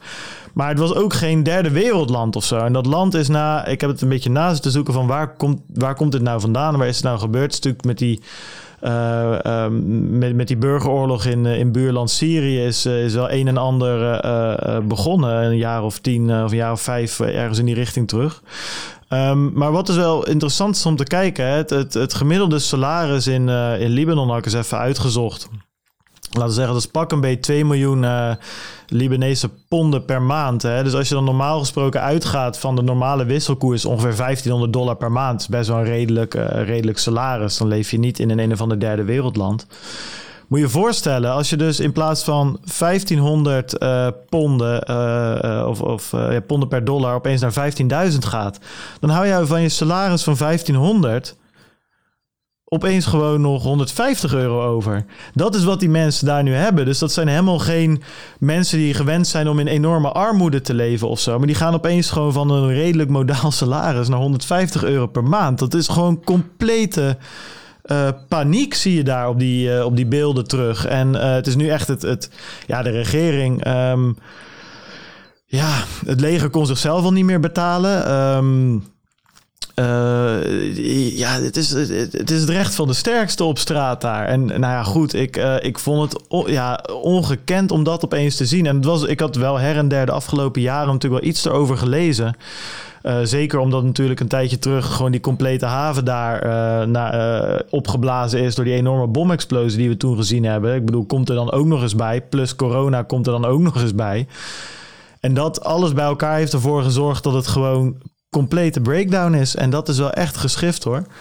Dus ik heb nog een beetje zitten kijken uh, van, nou ja, waar, waar komt dit vandaan? Um, uh, Libanon is, uh, is, is een van de landen met de hoogste staatsschuld ten opzichte van hun GDP, hè, een bruto binnenlands product. iets van 142 procent. Um, ik had ook even gezien dat ze bijvoorbeeld uh, de BBC bericht daarover ergens in uh, vorig jaar, eigenlijk precies een jaar geleden, dat ze toen voor het eerst um, ja, defaulten uh, op een, dus voor het eerst hun, hun eigenlijk een, een, een rente en aflossing op een, um, op een schulden niet konden betalen. Hè? Dus eigenlijk dat je, je een soort van failliet gaan bijna als een land. Dat is een beetje die, die kant ga je dan op. Ja, flash forward een jaar later en het is gewoon één grote chaos.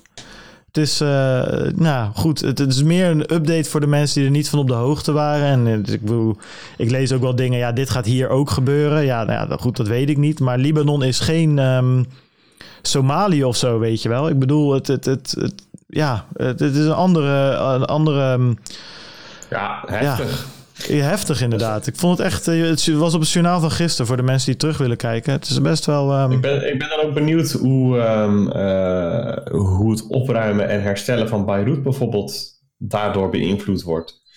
Want dat is natuurlijk ook wel een. Uh, is daar vrij recent natuurlijk die, die, die ontploffing die, ja, die daar ja. uh, die, die plaatsgevonden heeft. Ja, daar gaan natuurlijk ook miljarden in zitten. Nou ja, niet en, meer dus. Dat is een beetje het ja, punt. Ja, en volgens mij is het punt ook dat. Eh, kijk, wat er, wat er best wel is gebeurd op zo'n moment, is als het IMF bijvoorbeeld inspringt. Hè?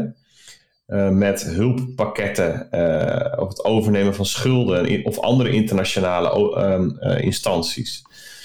En volgens mij is het punt dat, dat dat nu ook niet gebeurt, omdat volgens daar de, een, een, een, een kanttekening of een eis bij zit dat de huidige overheid moet opstappen. Dus dat, dat Libanon bepaalde zaken moet gaan, gaan hervormen. En ik geloof dat dat nu tot een deadlock lijkt. Van ja, dat, dat willen ze niet. Ja, krijgen ze dus ook geen hulp. En eigenlijk, eigenlijk ja, het land kookt nu een beetje in het eigen sop gaar. Of, uh, ja, dat is voor de inwoners daar natuurlijk wel echt. Ja, ja ja, ik had, wel wat, ik had wel wat gelezen dat er toch, uh, maar goed, die heb ik even niet voor me, maar dat ging er vooral over dat, dat, dat de hulp nu in dollars wel gegeven werd in plaats van in, uh, in, in, in de foreign currency. Want daar kwamen, ja, dat was nu, dat had ook niet echt zin meer natuurlijk. Ja. Maar um, ja, jongens, het is. Um, ja, ik, ik weet niet, man. Ik vond het best wel... Ja, het is gewoon heavy om te zien. En, en het was meer ook, zeg maar... Natuurlijk, er liggen allemaal dingen aan ten grondslag. Uh, we hebben burgeroorlog in, uh, in, in, in, in een buurland. Sowieso al corrupte overheid.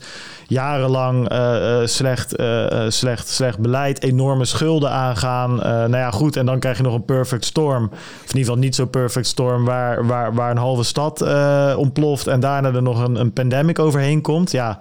Dus een soort van Black Swan op Black Swan. En dan gecombineerd met al die zooi die ze al hadden, dan krijg je dit.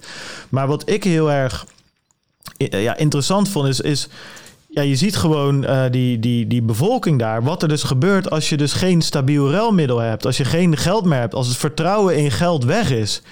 Ja, dan is het gewoon. Uh, dan, dan is het echt alsof je een stel en, en niks ten nadele van, uh, van die mensen, want het gebeurt hier in Nederland hetzelfde. Kijk aan het begin van de pandemie toen we met z'n allen liepen te hamsteren.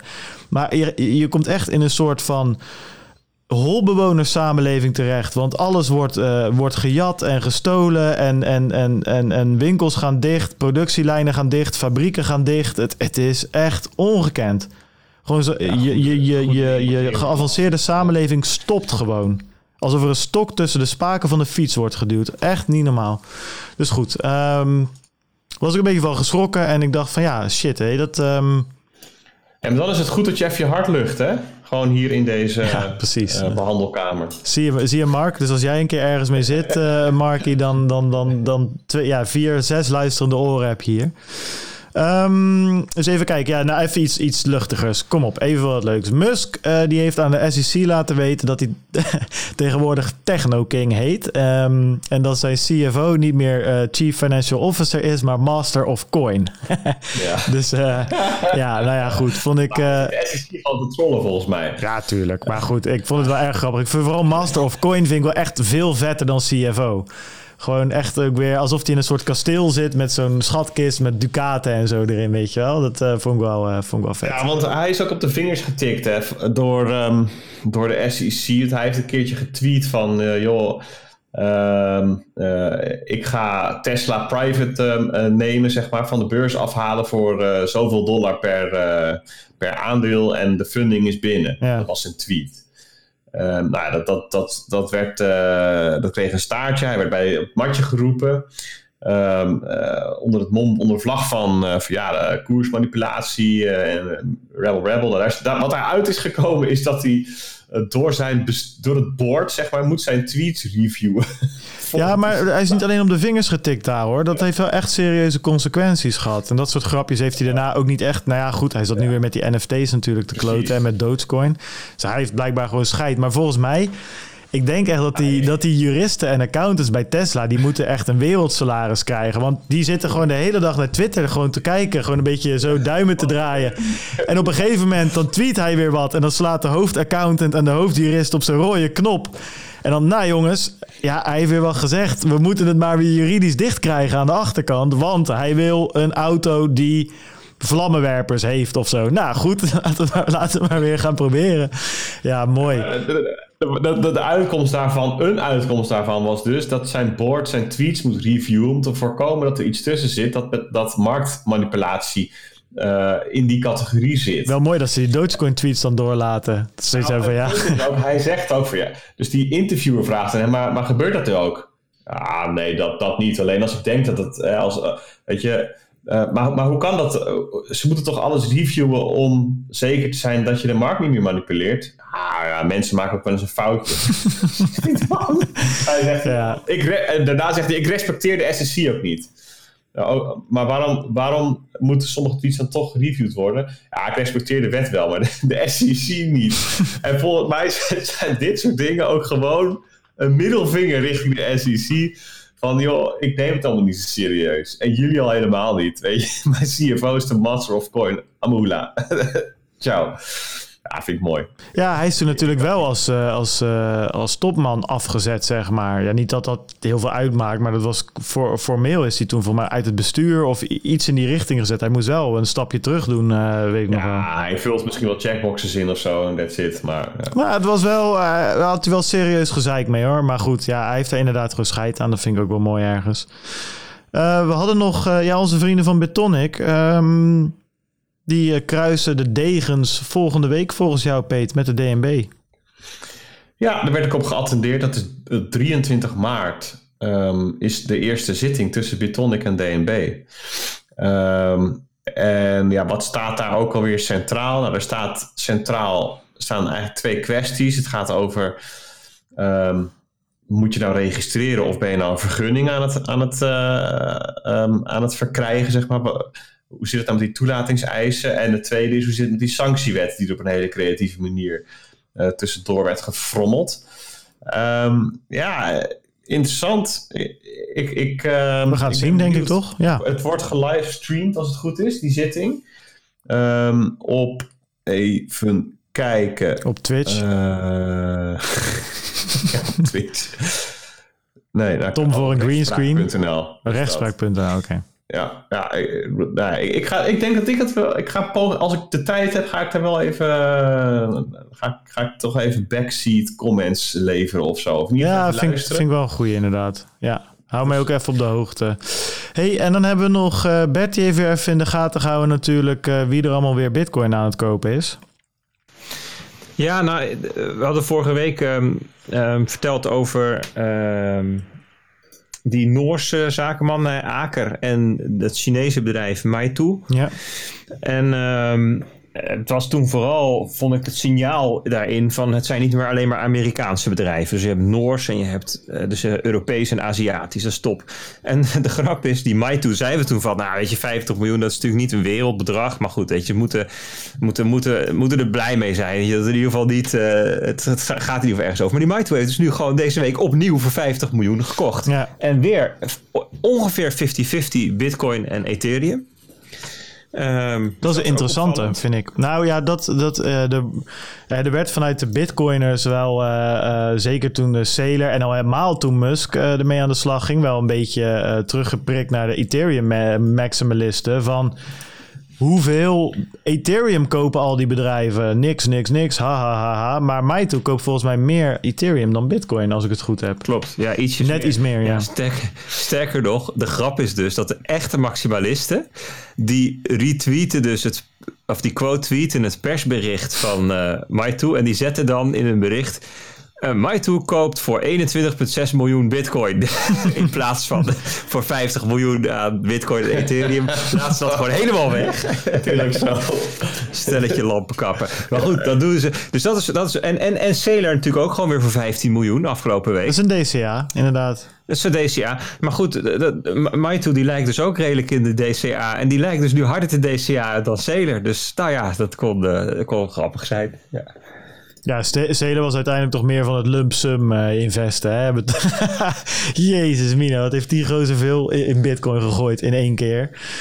Ehm, ja, goed, dan zijn we hier denk ik eh, in het kort een end, ehm, een end doorheen. Ik zit even te kijken, we hebben wel een paar interessante dingen, maar die niet per se deze week eh, verteld ehm, hoeven, hoeven te worden. Ik denk, volgens mij hadden we nog een aantal onderwerpen die aansloten op waar we al waren. Ehm, ja, ik steef, ik steef te kijken. Het maakt mij niet zoveel uit, jongens. Ik vind ze allemaal wel interessant. Ehm, ja, lijkt mij leuk om in ieder geval iets te horen over de, over de markt. Ehm, Ja. Misschien beginnen bij wat, uh, wat Powell heeft verteld, om vervolgens eens het over NuPL en CryptoQuant te gaan hebben. Ja. Um, misschien als, als we dan nog tijd hebben, zouden we het ook even kunnen hebben over Bitcoin als portfolioverzekering. Ja. Het verhaal van Greg Vos. Ja, dan gaan we blijven deze week een beetje in die, in die marktkant. De financiële, Ja. de eh, monetaire, financiële, economische kant. Want we hebben. Want ik denk dat het goed is om te zeggen. eh, Peter, jij had een leuk, eh, leuke column geschreven. Bert ook trouwens, alle twee. Bert over NFT's en jij over de dollar als grootste vervuiler. Ik denk dat het leuk is voor de mensen. Als je het wil lezen, check lekker cryptisch.nl. Maar goed, dan gaan we daar alweer een andere keer op in. Want ik heb ook, ik had van deze week ook een opeens weer een gedachtegang over bitcoin en energieverbruik en elektriciteit en batterijen en vergelijkingen met Tesla's en elektrisch rijden. Dus dat, dat, dat parkeren we wel weer een keer voor, eh, dat, daar hebben we veel meer tijd voor Je hoeft nodig. er ook niet bang voor te zijn dat dat als onderwerp eh, irrelevant wordt. eh. Nee, ik wou net zeggen, dat Dus- zal alleen maar relevanter worden. Dus ehm, Ik had er ook eh, ehm, eh, een, een bitcoin miner op Mars, op Mars opgezet. Mars als in de planeet Mars. Ik las een best wel een leuk stuk van Unchained Capital. eh, waarin gewoon is aannames werden gedaan over eh, een aantal zaken, over de toekomst. eh, het, het, het vestigen van mensen op Mars. En ehm, of bitcoin dan nog gebruikt kan worden. En, en waar de li- limieten en beperkingen zitten. En dat is best wel geinig ook om gewoon eens over te filosoferen. Ja. Had ik er ook op gezet. Maar dat hoeft ook niet vandaag. En eh, voor de mensen die het nu horen en denken, vind ik heel leuk. Ja, dan moet je gewoon even eh, wat gaan lezen op de blog van Unchained Capital.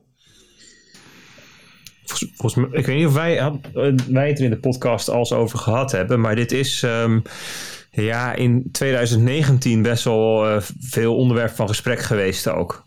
Toen zijn er ook een zootje andere podcasts over gemaakt en eh, ook over geschreven. En dan dus vooral over het punt van hoe stabiel is je netwerk nog vanwege de blocktime van 10 minuten en eh, de propagatie van data met licht en nou ja, dat soort dingen. Dat je netsplits krijgt en ehm, nou ja, dat soort eh, vraagstukken. En dat kan je dan ook weer koppelen aan stel dat ehm, een bepaald land eh, het internet zou opsplitsen voor enige tijd, bijvoorbeeld China. En je krijgt dan de- dus ook twee groepen miners die ten opzichte van elkaar. Dus hoe reageert dan de blockchain daarop? Dus ik weet niet of het daarover met name gaat, maar daar, daar is toen ook al heel veel. eh, dat, dat, dat in de zomer toen op een of andere manier ook een, eh, een onderwerp geweest. Maar we, kunnen, kunnen we ook gewoon het onderwerp afdoen met zeggen, joh, reis even terug naar 2019. als je Nou, dit interessant ik bedoel, vindt. als, als, we hem, als we er echt in zouden duiken, is het wel leuk om die ook eens terug te luisteren. Ja. Eh, ik geloof Andrew Poelstra bijvoorbeeld toen van uh, Bitcoin Core Dever er ook eh, wat dingen over ge- ge- gezegd heeft. Dan, En- eh, Ehm, goed, dan wil ik eigenlijk ook wel de luisteraars meteen ehm, vragen om hier eens over na te denken. Eh, Ik, ja, ik heb hem nu in mijn hoofd zitten. Als ik in mijn hoofd zit, heb ik ook zoiets. Ja, godsamme, ik wil nu ook gewoon weten wat jullie ervan denken. Maar elektrisch rijden, hè? elektrische auto's, dat wordt zeg maar eh, gezien als goed voor het milieu en daar moet, moeten we heen. Dat, dat is een beetje de, eh, de, de consensus daarover. Want, het vervangt benzineauto's en dieselauto's. En dat zijn fossiele brandstoffen. En dit rijden op elektriciteit, dat is goed, dus dat is prima. Ik dacht, dat is precies het verhaal achter Bitcoin. Ik bedoel, Peter, je hebt een heel goed artikel geschreven over waarom de dollar eigenlijk zo vies is en hoe dat nou precies zit. Nou, Bitcoin werkt niet op olie, Bitcoin werkt op elektriciteit. Zeg maar, waarvoor is dat bij Tesla's zonder daar enige vragen over, na te, eh, over te stellen? Dus Tesla's en andere elektrische auto's is goed, want elektriciteit. Prima, geen CO2 meer, want elektriciteit. En bij Bitcoin is het elektriciteit, wel CO2, want het wordt opgewekt door bruinkool en whatever. Dan denk ik, ja, maar jouw Tesla, daar moet je ook nog maar opletten eh wat voor energie daarin gaat. Wat voor, hoe die elektriciteit opgewekt wordt. Dus ik had zoiets van, bij Tesla kunnen we wel zeggen, of bij elektrische auto's zeggen heel veel mensen wel van ja, maar in de toekomst hebben we meer windmolens en hebben we eh, misschien eh, meer zonnepanelen of misschien veel betere kernenergie. En op dat moment hoeven we geen kolencentrales meer te gebruiken. En dan rijden al die Tesla's en al die andere auto's rijden op 0% eh, CO2-uitstoot. En denk ik, prima. Maar dat is exact het verhaal voor Bitcoin. Gewoon één op één. Dus ja, nou ja, goed. Het was een soort ehm eh, eh, Eureka-moment voor mij. Dat ik dacht van waarvoor dezelfde mensen die het hardste roepen dat Bitcoin zo'n energieslurpende verspilling is. hoor ik daarna wel dezelfde narrative voor een elektrische auto brengen. Waar ik het dan wel mee eens ben ook. Alleen ik vind dat zo moeilijk. Waarvoor kan je dat niet zien voor Bitcoin? Omdat, er twee kanten aan het verhaal zitten. Want je hebt auto's natuurlijk die ook zelf ehm, voor uitstoot zorgen. Van, van fijnstoffen en gassen. En dat, dat is wat je met een elektrische auto ook wegneemt. Ja, zou je best kunnen zeggen dat Bitcoin eh, ook dingen vervangt die vervuilend zijn. Uh, dus uh, je kunt het best nog verder naar elkaar toe gaan halen. Maar je hebt met auto's een, een voordeel, en dat is dat het heel concreet is voor mensen. Wat een elektrische auto ten opzichte van een benzine- of dieselauto oplost. Ja, niks in eerste instantie. dat is het punt. Bij een, bij een auto zie je heel duidelijk de natuurkunde dat er energie nodig is om het ding in beweging te brengen. Ja. Het is evident dat een auto niet van A naar B gaat als je geen energie daaraan gebruikt. En dan, dat betekent dus, als je van A naar B wil, dan zul je um, energie moeten gebruiken. En de vraag is dan wel, welke en hoe. En bij Bitcoin is dat niet evident. Hè? Dus um, het ouderwetse geldsysteem kost energie, ja, maar, maar een nieuwerwetse energie, uh, geldsysteem, waarom zou dat energie moeten gebruiken? Die vraag is niet evident voor mensen.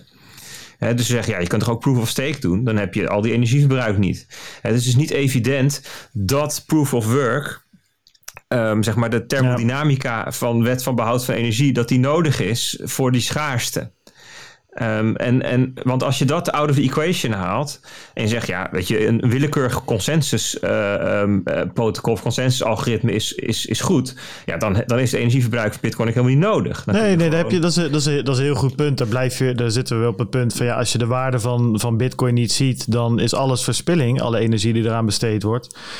Nou, ja, dat, dat, vind ik nog een, dat, vind ik nog een, dat vind ik nog een andere. Dat, dat is nog een ander ding. Ik bedoel, als je de waarde niet ziet van een, een digitaal schaars geld, dan. Kijk, het punt is alleen dat je. Um, er zijn zat mensen die wel de waarde van Bitcoin als um, concept zien, maar nog niet begrijpen dat het noodzakelijk is dat je proof of work hebt als consensusmechanisme. Ja, fair enough. Ja, het is een beetje hetzelfde als zeggen dat. Um Tesla's met vierkante wielen van beton ook weinig energie gebruiken. Dus laten we maar gewoon vanaf nu uh, vierkante wielen van beton nee. gebruiken.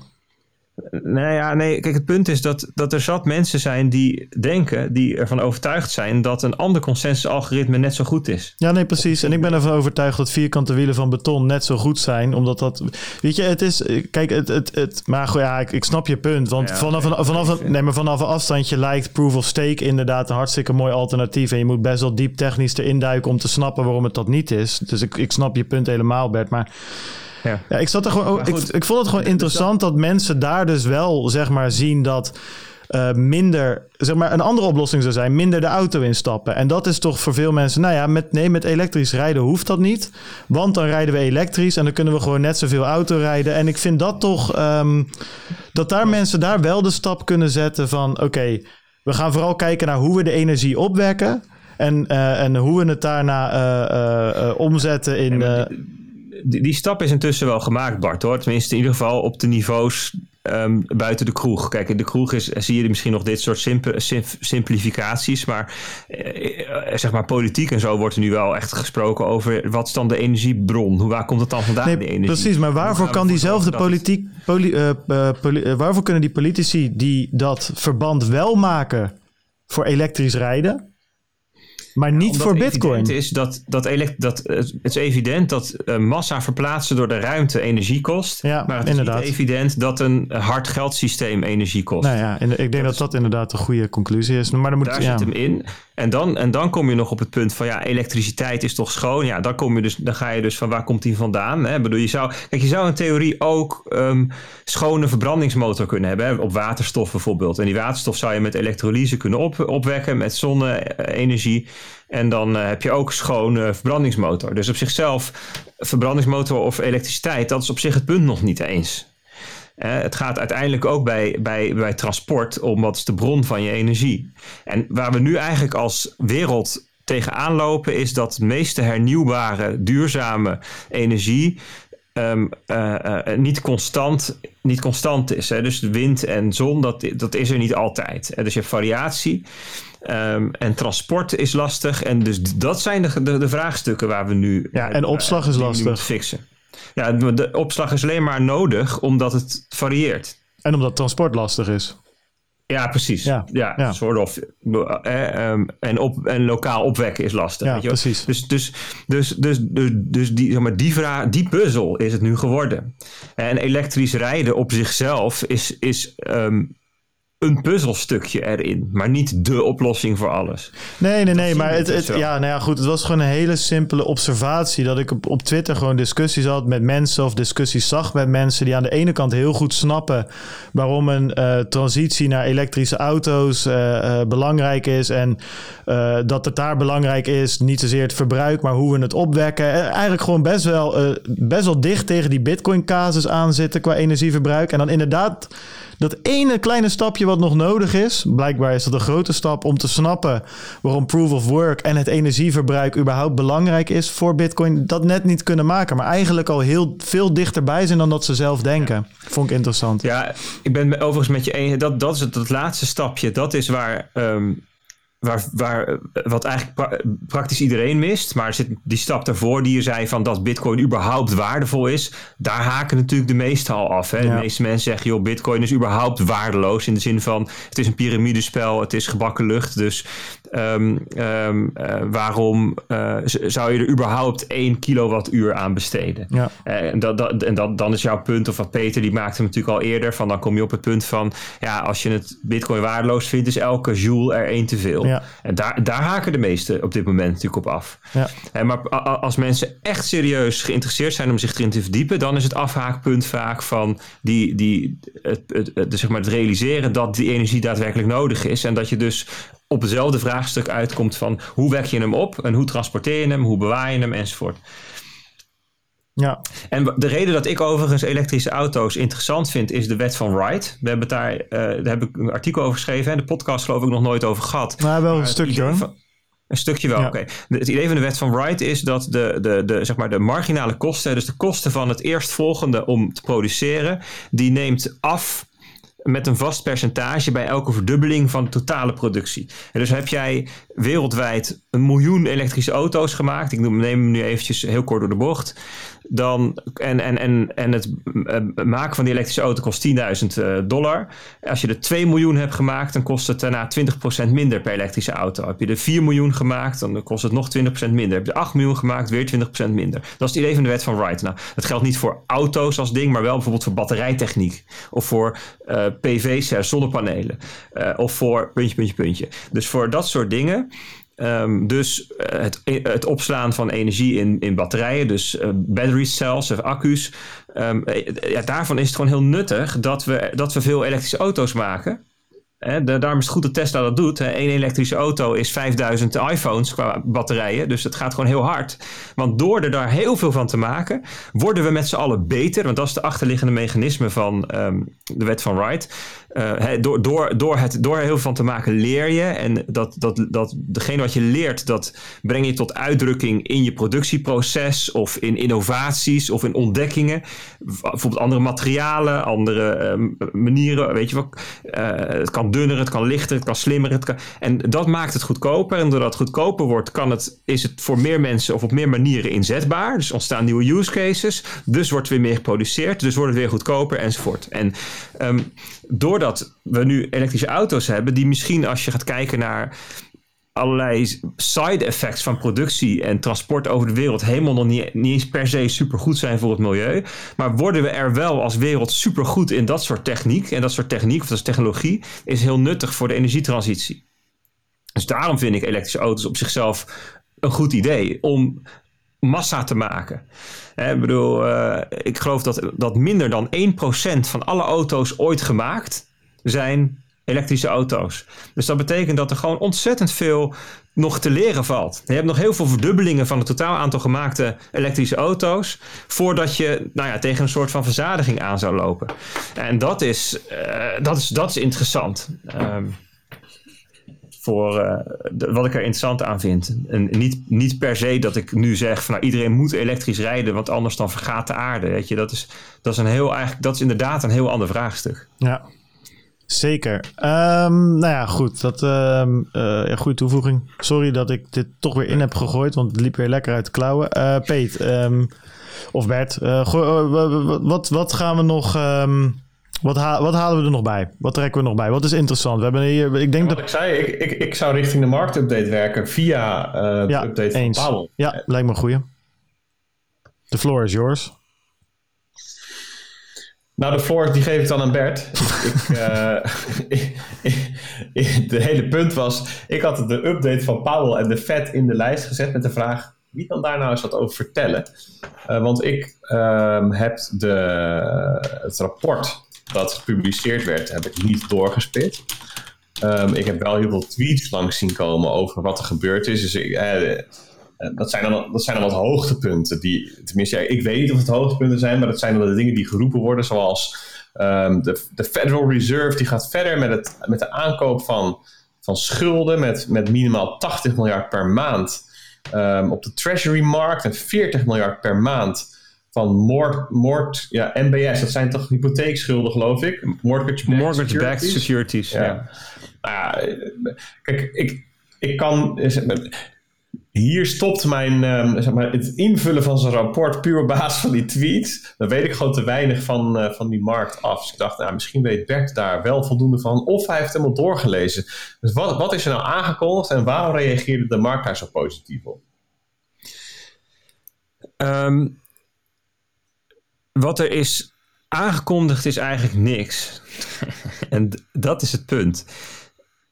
Het beleid um, is eigenlijk ongewijzigd. Het monetair beleid van de Fed is niet gewijzigd. Um, het monetair beleid was, um, het werkt in Amerika net iets anders dan in Europa. En in Amerika hebben ze een, een, een de beleidsrente en een bandbreedte waar er tussen moet vallen. Dat is 0, 0 tot 0,25 procent. Um, ja, dus de Federal Funds Rate, zoals die heet. En dat is uh, uh, vergelijkbaar ook met de ECB. Die heeft ook een, een, een, een rente waartegen banken overnight, geloof ik, hun rente kunnen stallen. Dat is min, min 0,6 of zo. Weet je, dat, dat, weet je, dat tarief, het centrale bankrentetarief, noem het maar even heel versimpeld. Dat blijft gelijk. Wat ook gelijk blijft, is dat ze maandelijks voor 120 miljard dollar aan um, obligaties opkopen. En dat is vergelijkbaar met um, bijvoorbeeld de PEP, wat je in Europa hebt, Pandemic Emergency Purchasing Program. En dus dat de Europese Centrale Bank um, uh, staatsobligaties opkoopt van Europese landen. Um, dus quantitative easing eigenlijk. Hè? Dus de kwantitatieve ja. verruiming is dat. Dus je hebt eigenlijk twee monetaire instrumenten die centrale banken inzetten. Dat is de rente en dat is het opkoopprogramma. En um, die twee blijven dus ongewijzigd. Nou, dat was eigenlijk alles. Het punt is alleen dat dus de, de, markt, de markt had verwacht, blijkbaar, dat um, uh, de Fed de, het monetair beleid zou wijzigen. Dat ze bijvoorbeeld de rente zouden verhogen. En um, doordat dat niet gebeurde, reageerde de markt daarop. Dat is wat je zag. Dus ja. de aandelenkoers gingen omhoog. Um, ja, ik kan wel even precies kijken. De S&P 500 reageerde erop, hè, geloof ik. En de Bitcoin-koers ja, dus, en goudkoers. Dus de aandelen, de index gingen omhoog. De, um, de bond yields die gingen in eerste instantie ietsjes naar beneden. Dat is interessant. Ook weer gestegen, geloof ik. Hè? En die zijn vandaag heel erg gestegen. Dus met andere woorden, de markt die zegt eigenlijk van... Uh, die, kijk, het, punt is... inflatie. Kijk, weet je wat het... Nou, ik, ja, daar gaan we zo even over hebben. Dus, want je wil eerst weten wat gebeurde. Dus bitcoin steeg rond die tijd. Um, uh, Ethereum ook overigens. En BNB ook. is eigenlijk de hele crypto-wereld. Um, de dollar die, die, die kelderde wat in waarde. Um, zilver en goud stegen wat. Dus dat, is wat er dan gebeurt. Op, er veranderen wat, wat balansjes tussen dingen. Die allemaal wel met elkaar te maken hebben. Um, die rente, waar we het over hebben. Dus de 10 rente bijvoorbeeld. Hè, daar wordt dan naar gekeken. Die staat op dit moment op 1,7 procent. Maar we hebben het net over die 0 tot 0,25 procent. En dat was ook de vraag van Bart. Hoe hangen die nou met elkaar samen? Vroeg je aan het begin toch, Bart?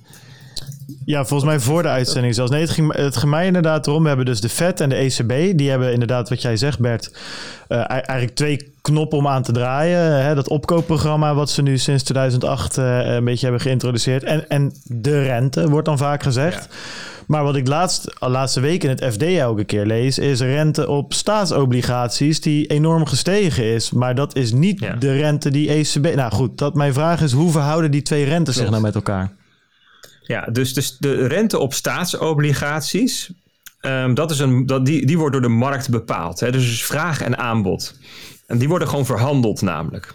En, um, en, en, en op een bepaald moment in de tijd dan geeft de staat die, die geeft staatsobligaties uit, met andere woorden, die leent geld op de markt. En op dat moment zie je ook dat, er, dat ze tegen een bepaalde rente kunnen lenen, die dan normaal gesproken vrij nauwkeurig overeenkomt met de rente die op dat moment op de markt gangbaar is voor 10 jaar bijvoorbeeld. Nou, je hebt Um, je hebt um, leningen in verschillende looptijden. Dat begint al bij um, drie maanden. Uh, hè, dat, is, dat worden dan uh, volgens mij de T-bills genoemd of zo. En dan heb je uh, drie jaar, vijf jaar, dat worden dan de notes genoemd, treasury notes. En dan heb je tien jaar, dertig jaar, dat worden dan de bonds genoemd, treasury bonds, T-bonds. En dat is eigenlijk allemaal een spectrum. Dat zijn allemaal staatsobligaties met verschillende looptijd. En het idee is normaal gesproken, hoe langer de looptijd is, um, hoe meer uh, uh, toekomstverwachting erin opgesloten zit. Want er zit nou eenmaal meer toekomst waar die looptijd over gaat. dus het kan toekomstverwachting zijn van risico van faillissement bijvoorbeeld, dat de staat failliet gaat. En het kan een toekomstverwachting zijn van inflatie. Want um, ja, je, wil, je wil eigenlijk je inflatie goed maken hè, met de rente die je op de staatsobligaties krijgt. Dus als de inflatie stijgt, ja, dan stijgt ook de, de, de rente op die, um, op die, op die leningen. En met andere woorden, degene die geld uitleent, die wil een vergoeding voor de, het risico wat hij loopt. Um, dus wat je dan wat je, wat je ziet is dat de rente op staatsobligaties oploopt, hoger wordt als het risico van faillissement hoger wordt. Hè, dus als de kredietwaardigheid lager wordt van, van een staat. Dus daarom zie je dat in landen die een lage kredietwaardigheid hebben, dat daar de rentes veel hoger zijn. Zeker vroeger, uh, hè, toen, toen, toen um, centrale banken nog niet ingrepen hierop, nog geen opkoopprogramma's hadden. Ja, ik kijk maar eens terug naar de rente uh, in, in Italië en Griekenland ten opzichte van Duitsland. Bijvoorbeeld um, in die periode, laten we zeggen 2000 of zo, 2005, 1995, dan zie je dat daar grote verschillen tussen zitten dat, dat je misschien wel 5 of 10 procentpunt meer zou kunnen uh, krijgen voor een. Um, hè, als je uitleent aan Griekenland ten opzichte van uitlenen aan Duitsland. En dat is intussen zijn die spreads veel lager geworden, want de Europese Centrale Bank die, die probeert dat een beetje te fixen ook. Dus die koopt dan meer Italiaanse staatsobligaties op, zodat de rente daarvan daalt. En minder Duits. Weet je, op die manier wordt dat een beetje uh, in toom gehouden.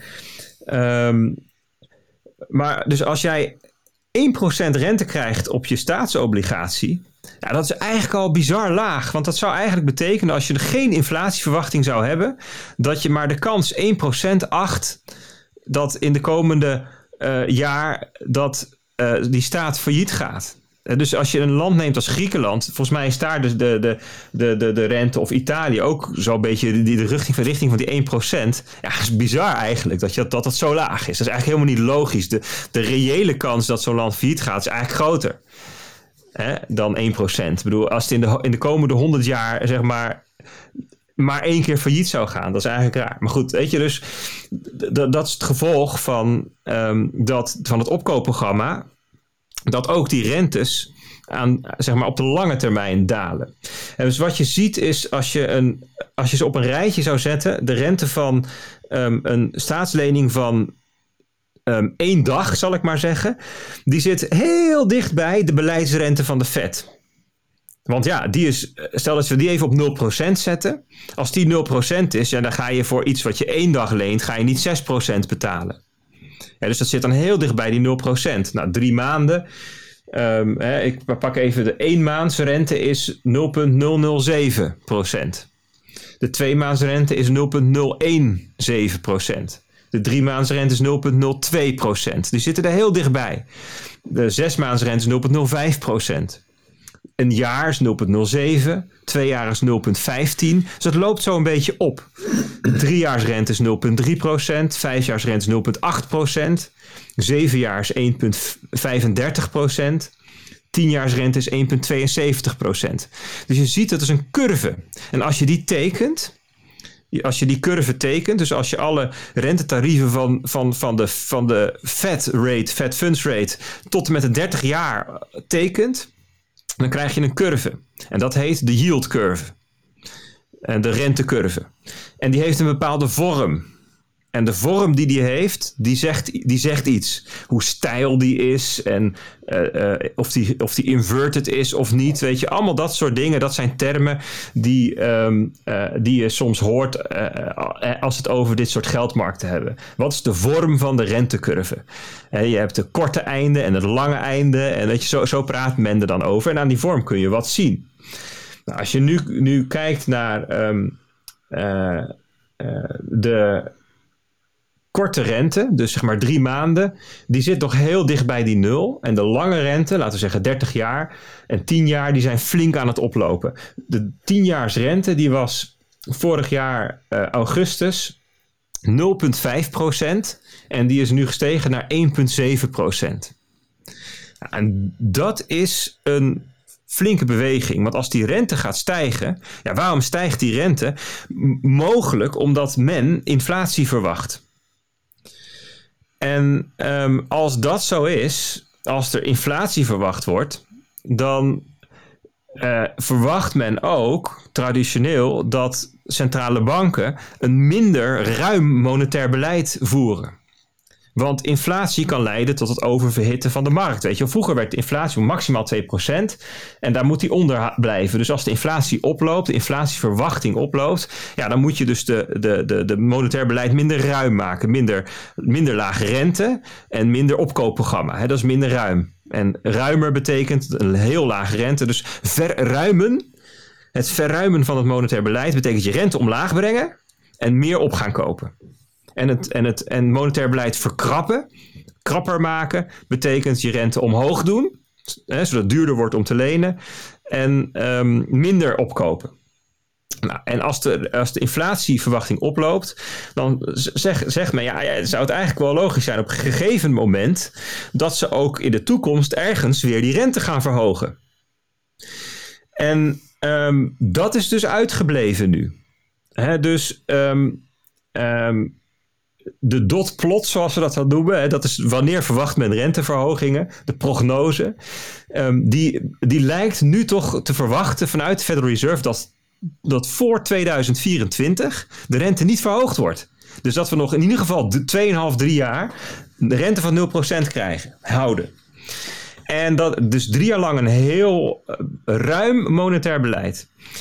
Terwijl die inflatie wel oploopt. En dat is natuurlijk precies wat ze in het verleden al gezegd hebben. Hè? Van ja, we, laten de, we, gaan toestaan dat de inflatie boven de 2% komt. En we gaan hè, om, om een soort van gemiste inflatie in te halen. Dat is dan het verhaal. En als dan de werkloosheid afneemt, dan gaan we daar niet mee stoppen. Want dat was vroeger altijd. Dan hadden ze uh, um, de natural rate of unemployment en zo. En als dat dan in de buurt kwam van een bepaald punt, dan moet je echt stoppen met uh, ruim monetair beleid. Want anders dan krijg je een oververhitte economie en dan krijg je een spiraal van lonen die stijgen en uh, on, onhoudbare inflatie. En dat is, dat is super gevaarlijk en dan moeten we niet in de buurt komen. Daarvan hebben we gezegd, laten we los. Uh, we'll let the economy run hot.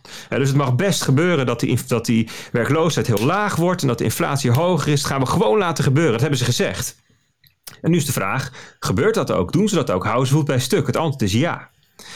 En um, um, dan is de vraag vervolgens gaan ze die. Wat gaan ze nou doen als op de geldmarkt die rente toch oploopt? Dus het korte einde van de yield curve, die kan de Fed heel makkelijk beïnvloeden door gewoon die rente, die beleidsrente te zetten op 0%. Dan, bedoel, de, de, de drie maanden die sluit daarop aan en de zes maanden ook. Maar het lange eind van de yield curve, dus die 10 jaar en de 30 jaar, die kunnen ze niet beïnvloeden door hun beleidsrentes. Dat moet de markt doen. En de enige manier waarop ze dat wel kunnen beïnvloeden, is door stevig die staatsobligaties op te kopen.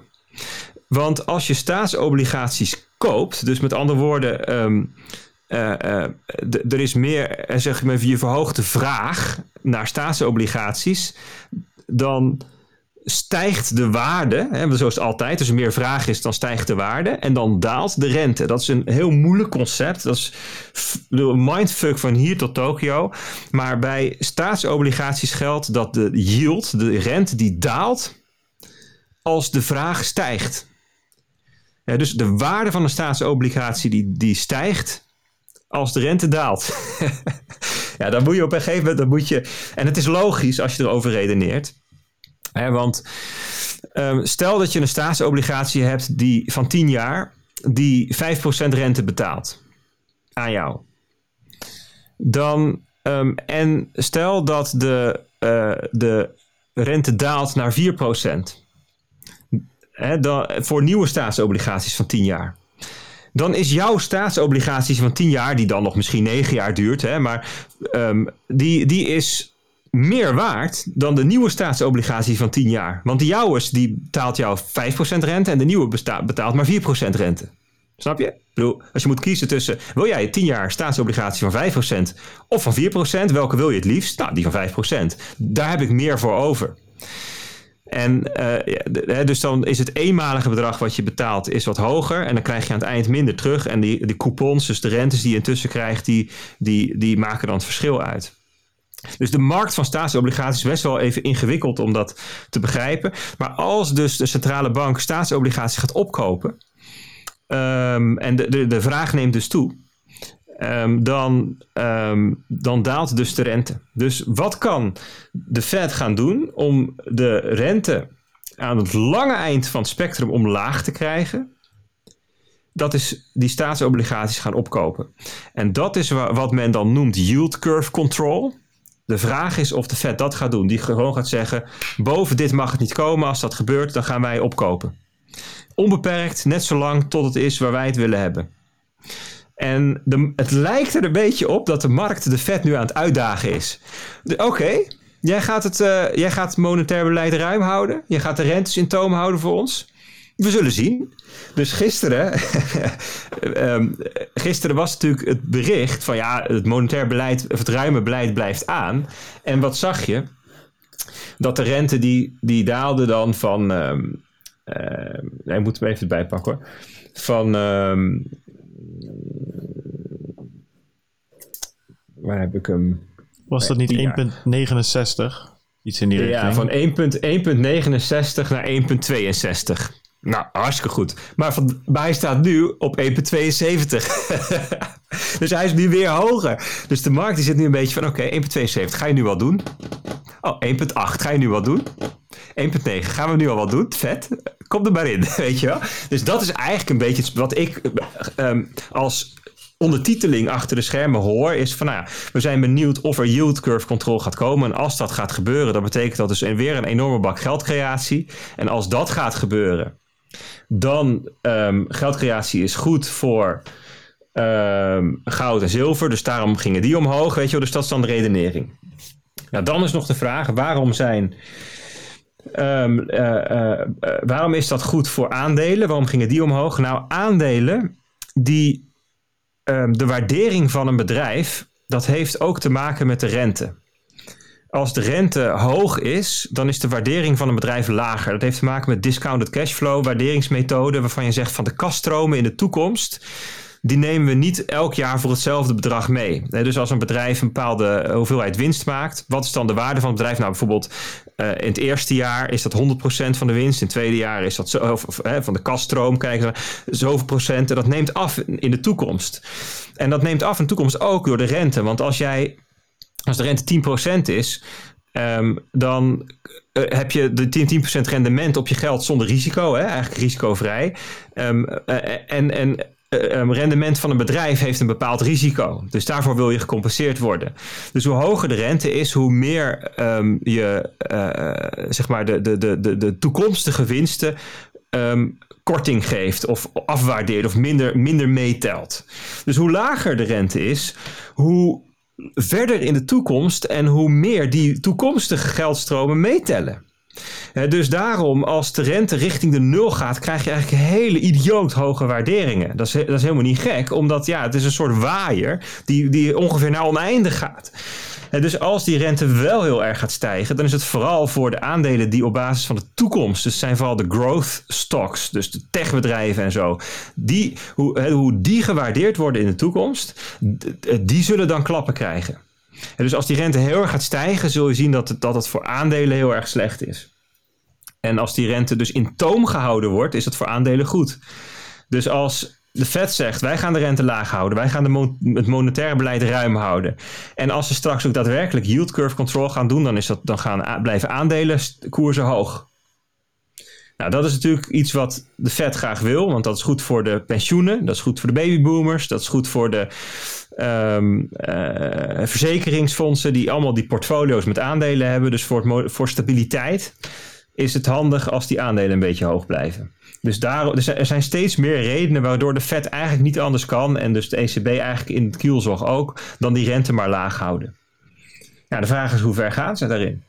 En de markt is dus nu op zoek naar het punt dat ze dus daadwerkelijk ook die, het, het langere einde van, van, de, van de rentes gaan, uh, gaan, gaan beïnvloeden. Ik wil zeggen manipuleren, maar beïn, laten we het neutraal beïnvloeden. Ja, wat ik wel een um, interessant um, Thanks trouwens Bert, is allemaal een stuk duidelijker. Um, wat ik wel um, interessant verhaal vind aan dit, aan alles wat ik lees in het FT of in de, in de Financial Times of whatever, maakt eigenlijk niet zoveel uit waar, is toch dat, um, ja, dat, dat, dat nu de experts, uh, en dat zijn ze allemaal schijnbaar, op de beursvloeren, ja, toch wel een beetje bang beginnen te worden voor inflatie. Um, door het, uh, zeker zeg maar, dat, dat, dat waren ze allemaal misschien nog wel een beetje, maar die.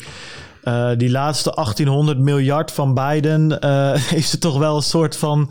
Ja, de, nu worden er wel serieuze vraagtekens uh, bijgesteld. Van ja, jongens, hoe lang kunnen dit soort geintjes nog goed gaan? En um, dat vind ik wel, dat, dat is eigenlijk maar elk artikel wat ik over lees over die, over die stijgende, stijgende rentes. Uh, ja, gaat, gaat voor de helft daarover. En voor de andere helft van dat we binnenkort weer uit uh, de crisis zijn. En, en dan weer met z'n allen honderd volle kracht vooruit kunnen gaan. En dat daardoor de economie alweer zal, zal groeien en whatever. Kijk, met, met, met die inflatie moet je altijd eh, voorzichtig zijn, want er zijn ontzettend veel verschillende krachten die op die inflatie werken. En je hebt bijvoorbeeld nu, de komende maanden zul je het base effect heel erg krijgen. Kijk, inflatie wordt altijd jaar, jaar op jaar gemeten. Dus het wordt vergeleken met een jaar geleden. Maar een jaar geleden hadden we natuurlijk een enorme knal in de, naar beneden in de inflatie. Omdat iedereen gewoon stopte met besteden. Weet je wel, de olieprijs die ging naar nul. Dat was ook ongeveer een jaar geleden. Dus alleen al het feit dat de olieprijs nu uh, uh, boven de 60 dollar staat. Veel hoger is eigenlijk dan uh, nog voor de coronacrisis. Um, dat zorgt al voor een flink effect op de inflatie. Dat zullen we, dat zullen we gaan zien en allerlei andere dingen ook. Dus, dus, dus, dus inflatie van zoals je vorig jaar een dipje had, zul je nu een bergje zien, omdat het ten opzichte van het vorig jaar gemeten wordt. Um, dus een tijdelijk effect, bijvoorbeeld wat ook zou kunnen zien, is dat mensen als straks de boel versoepeld worden, wat bestedingen gaan inhalen. Dus dingen die ze uitgesteld hebben. Ik bedoel, um, uh, niet alles wat je uitstelt um, haal je in. Hè, bedoel, als je zes maanden niet naar de kapper bent geweest, ga je daarna niet drie keer achter elkaar. Weet je, dan ga je één keer gewoon en dan is het weer goed. Uh, dus dat haal je niet in. Maar misschien een extra vakantie. Of, nou ja, ik wil zelf heel graag nog wat shit van de IKEA hebben. Maar ja, dat is allemaal gedoe. Dus dat, dat koop ik wel. Valt reuze mee hoor. Ik laatst, laatst gedaan. En uh, redelijk dystopisch. Maar het werkt beter dan bij de gemiddelde bouwmarkt. Maar goed. Ja, nou ja, wij, wij, de ervaring die wij hebben is tot nu toe heel erg matig. Omdat okay. je um, uh, de dingen die wij hebben, die zijn nooit bij één IKEA tegelijk allemaal op voorraad bijvoorbeeld. ja. Ja, ja, en toen het een keertje wel zo was, toen was Kirsten, mijn vrouw, heel blij. Die heeft alles meteen besteld. Alleen toen werd ze halverwege de bestelling eruit getiefd. En het geld is wel afgeschreven, maar de bestelling is nergens in het systeem. En we zijn nog steeds aan het wachten tot het keer terugkomt. Dus het is, dat is ook dystopisch. Maar goed, los, los daar, daarvan. Um, dus een, een inflatieverwachting is dat misschien straks ingehaald wordt. En dat je dan ineens wat inflatie krijgt. Maar dat het daarna ook wel weer verdwijnt. Omdat er ook allerlei deflationaire um, krachten in het spel zijn. Hè, dus toch uh, vergrijzing, mensen die wat meer sparen omdat ze het spannend vinden. Um, mensen die failliet gaan en dus niet meer uitgeven. Uh, technologie die voortschrijdt. er zijn ook allerlei dingen, uitgaven die we niet meer doen. Ik bedoel, we reizen niet ergens heen, maar we, we zoomen of zo, mm. weet je wel. Dus dat van die inflatie is ook nog maar de vraag hoe het uit gaat pakken. Nee, dat ben ik met je eens. Alleen het is meer mijn. mijn uh, dat is een heel goed punt wat je maakt. Hoor. Want uh, ik bedoel, het, mijn punt is meer in al die artikelen. Wordt het zeg maar genoemd van uh, investeerders zijn bang. Uh, investeerders vrezen dit. de rente loopt op, want bond. dus dat viel me sowieso al op dat, dat, dat in, in al die artikelen, zeg maar, er is niet echt één reden aan te wijzen. Dus dat, dat hele rente-ding is ook een soort van marktwerking, een onzichtbare hand die we proberen er te, te duiden, maar dat, dat, dat is heel moeilijk. Mijn punt is meer dat ik uh, dit, dit, is, dit, dit zijn bitcoiner verhalen, zeg maar. Over let nou op met quantitative easing. Kijk nou uit met geld printen. En, en ik lees dit nu voor, nou ja, voor het eerst zo massaal in uh, kranten. Dat is eigenlijk meer mijn observatie. Ja. Uh, of er nou uiteindelijk precies zo uit gaat spelen, ja of nee.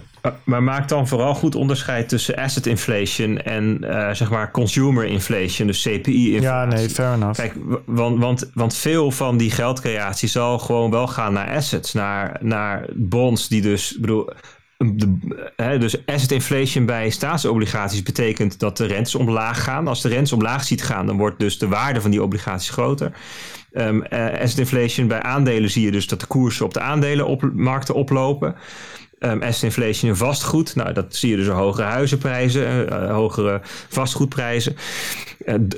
Dat is eerder te verwachten, denk ik, dan dat de CPI heel erg oploopt. Maar ja, het is terecht. Kijk, als, als er onwijs geld geprint gaat worden, ja, dat is interessant. Wat gaat daarmee gebeuren? En hoe lang is dat houdbaar? En krijgen we de Japanificatie van de wereld.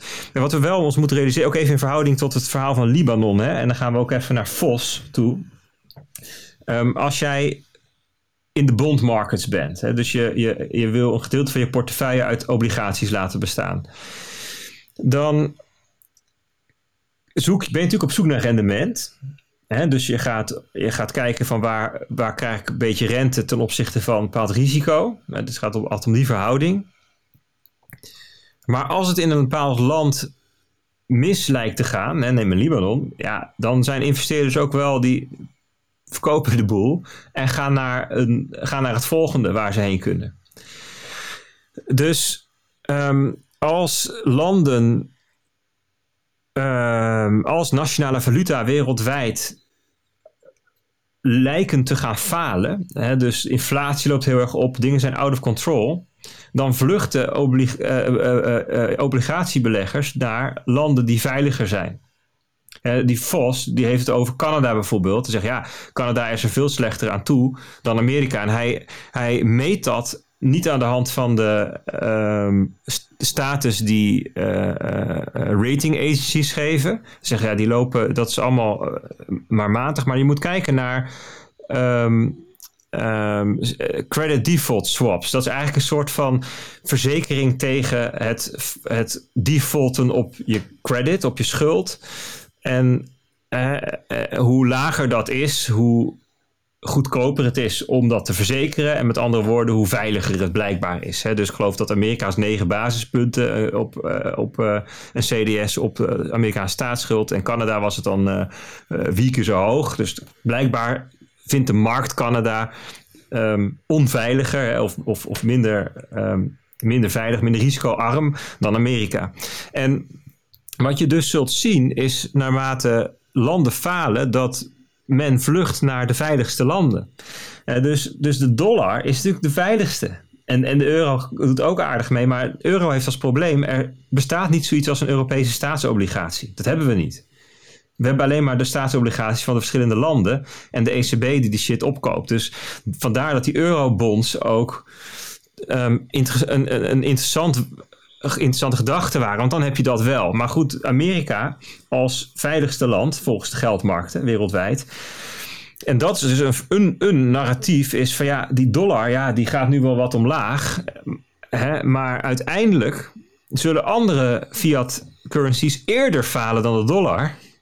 En wat gebeurt er intussen? Ja, dat al die obligatiebeleggers dan maar dollarobligaties gaan kopen. Dus Amerika kan in feite tot in het oneindige die, die obligaties uitgeven. Want ja, uiteindelijk moeten al die moet iedereen iets. En de dollar zal als allerlaatste falen. Dat is een van de um, narratieven van, uh, van mensen die, die, die zeg maar nog bullish zijn op de dollar. Zeggen ja, je dollar zal uiteindelijk weer sterker moeten worden. Want nou ja, dit, dit uh, um, mechanisme. Dus ja, ook dat vind ik heel moeilijk om te zeggen van ja, um, welke perspectief, welke, welke verwachting geloof je? Hè, dat de dollar zijn hand overspeelt omdat China en weet ik wat allemaal eh, steeds minder met die dollar hebben. En ze houden geen dollar-obligatie meer aan. En Rusland ook niet. En, uh, dus de dollar die verliest zijn glans. Weet je, dat is, dat is één verhaal. En Amerika die print idioot veel geld en dat is niet houdbaar, weet je wel. het andere verhaal is, ja, je, al die, al die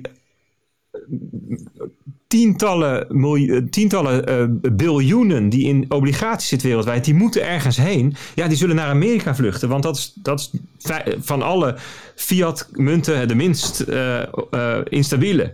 Dus dat is weer heel goed. Dus die twee die staan ook een soort tegenover elkaar. I don't know, man. Ik weet het niet. Welke, welke, welke van die twee krachten het, het, het sterkste aantrekt. Ja, we gaan zien. Dus ik vind het super lastig te voorspellen wat. Um, welke kant het op gaat. En dus ook als de dollar stijgt, of de, de rente op staatsobligaties in Amerika daalt of stijgt, wat betekent dat dan? Neemt een van die krachten af in sterkte of neemt de ander toe? Eh, weet je, het is alleen maar een balans die aan het verschuiven is tussen dingen. Dus het is heel moeilijk. Ik, vind, ik, ik, ik ben altijd argwanend als er dan een krantkop zegt... ja, dit gebeurt er op de geldmarkt, dus dit is er aan de hand. Nee, zeker. En ik denk ook, ik heb, hier, ik heb hier twee alinea's in trouw. En dat vond ik gewoon interessant. Op zich leggen ze het daar goed uit. Maar er komt ook inderdaad precies die, die tegenstelling die Bert beschrijft naar voren. Want hier komt het, uh, gaat dan over Powell en de Fed en wat hij vertelt. Hij zegt, want onrustig was het daar de afgelopen weken. En dat gaat dan op de, over de obligatiemarkt waar we het net over hadden. Beleggers vrezen inflatie en dat drijft de rentestanden op die inflatie zou kunnen losbarsten, zo is de vrees, door het gigantische steunpakket van president Biden in combinatie met het voortvarend vaccineren, waardoor de economie straks weer open kan. Hoe hoger de inflatie, hoe meer het uitgeleende geld in de leenperiode in waarde afneemt. Hoe meer rentegeld en hoe meer rente geldschieters dus eisen als compensatie daarvoor. De meest besproken rente, die op tienjarige staatsleningen, is daarom vanaf januari fors gestegen. Dus hier hebben ze het over uh, inflatie in combinatie met een economie die weer open kan. Mensen die geld uit geven. Uh, wat ze net gekregen hebben van, uh, van Ome Joe. Uh, en dan zegt de Fed zit daarmee in de maag. De rente op tienjarige staatsobligaties is de basis voor veel andere rentestanden. Bijvoorbeeld die op gewone leningen voor bedrijven. Stijgt de rente zo door, dan wordt het voor bedrijven en consumenten duurder om te lenen en zullen ze minder investeren. Dat kan, het, dat kan de prille economische groei, waar iedereen nu naar snakt, in de kiem smoren. En dat is voor mij een beetje de paradox. Oké, dus er komt geld, gaat naar mensen. Die mogen weer naar buiten, gaan geld uitgeven, economische groei. Maar omdat ze dus met z'n allen tegelijk geld uitgeven, is er weer inflatie, waardoor de rentestand omhoog gaan, waardoor ze dus weer minder geld uit gaan geven, omdat het duurder wordt om te lenen. En die cirkel is gewoon, ja ik ben het helemaal met Bert eens. Die is eigenlijk veel te complex om zo simpel te maken. En, um, Klopt. Maar goed, ik denk... feedback loops zijn daarin en ja, afhankelijkheden. En je hebt, ook, je hebt ook faseovergangen in complex systemen. Dus dat, je, dat, dat ineens iets aan de andere kant van de streep komt... en mensen vertrouwen verliezen. En weet je wel, dus het, dat, dat zijn heel ingewikkelde dynamieken. En, maar waar ze bijvoorbeeld bang voor zijn... is dat, me, dat consumenten hun geld wel uit willen geven... maar dat bedrijven bijvoorbeeld um, het niet aankunnen... om de, de productiecapaciteit op te schalen... of niet aandurven. Weet je, dat soort contradicties die zijn heel, heel naar. Dus dat je, of dat je wel inflatie hebt en geen economische groei, weet je wel. Dus uh, allemaal moeilijke. Wel inflatie, geen stijging van de lonen. Ja, dus dat is allemaal, allemaal lastige, lastige shit. En dat is een beetje het punt. Als je uh, als extra uitgaven niet komen door Um, door, doordat de werkgelegenheid toeneemt of de productie, maar doordat er gewoon geld uitgestort wordt over mensen. Want dat is gewoon letterlijk wat er gebeurt. Mm. Je krijgt gewoon, deze week krijgen mensen een cheque van 1400 dollar per volwassene in Amerika. Um, en, en overigens, het was 1900 miljard dollar, hè, het totale pakket. Um, maar als je 300 miljoen mensen keer 1400 dollar doet, dan kom je kom je lang niet op die 1900 miljard. Hè? Dus dat is geloof ik 500 miljard dan of zo. Dus er is ook nog uh, uh, 1400 miljard aan andere dingen die ze, waar ze geld aan uitgeven. Dus de, de, de stimulus package is veel groter nog dan alleen maar die, uh, die, die, die stimmy checks. Ja. Um, ja, dus dit, dit, dit blijft gewoon toch een soort van experimenteel en um, koffiedik kijken. En nou, wat, wat vindt Bitcoin er dan van? Ja, dat is het verhaal van Vos. Die zegt, ja, als jij een portfolio hebt met um, staatsobligaties, um, dan zou, daar, dan zou Bitcoin eigenlijk een soort van verzekeringspolis kunnen zijn in, die, in zo'n portfolio. Want kijk, een, een optie is dat de Fed die rentes laag kan houden. He, dus 10 jaar rente, dat die laag blijft. En als die rente constant is, blijft de waarde van je uh, obligaties constant. Als de rente verder daalt, dan stijgt de waarde van je staatsobligaties. Uh, als de rente daalt, dan stijgt de waarde van je aandelen. Helemaal goed, allemaal helemaal kumbaya. Maar stel nou dat die rente wel gaat stijgen.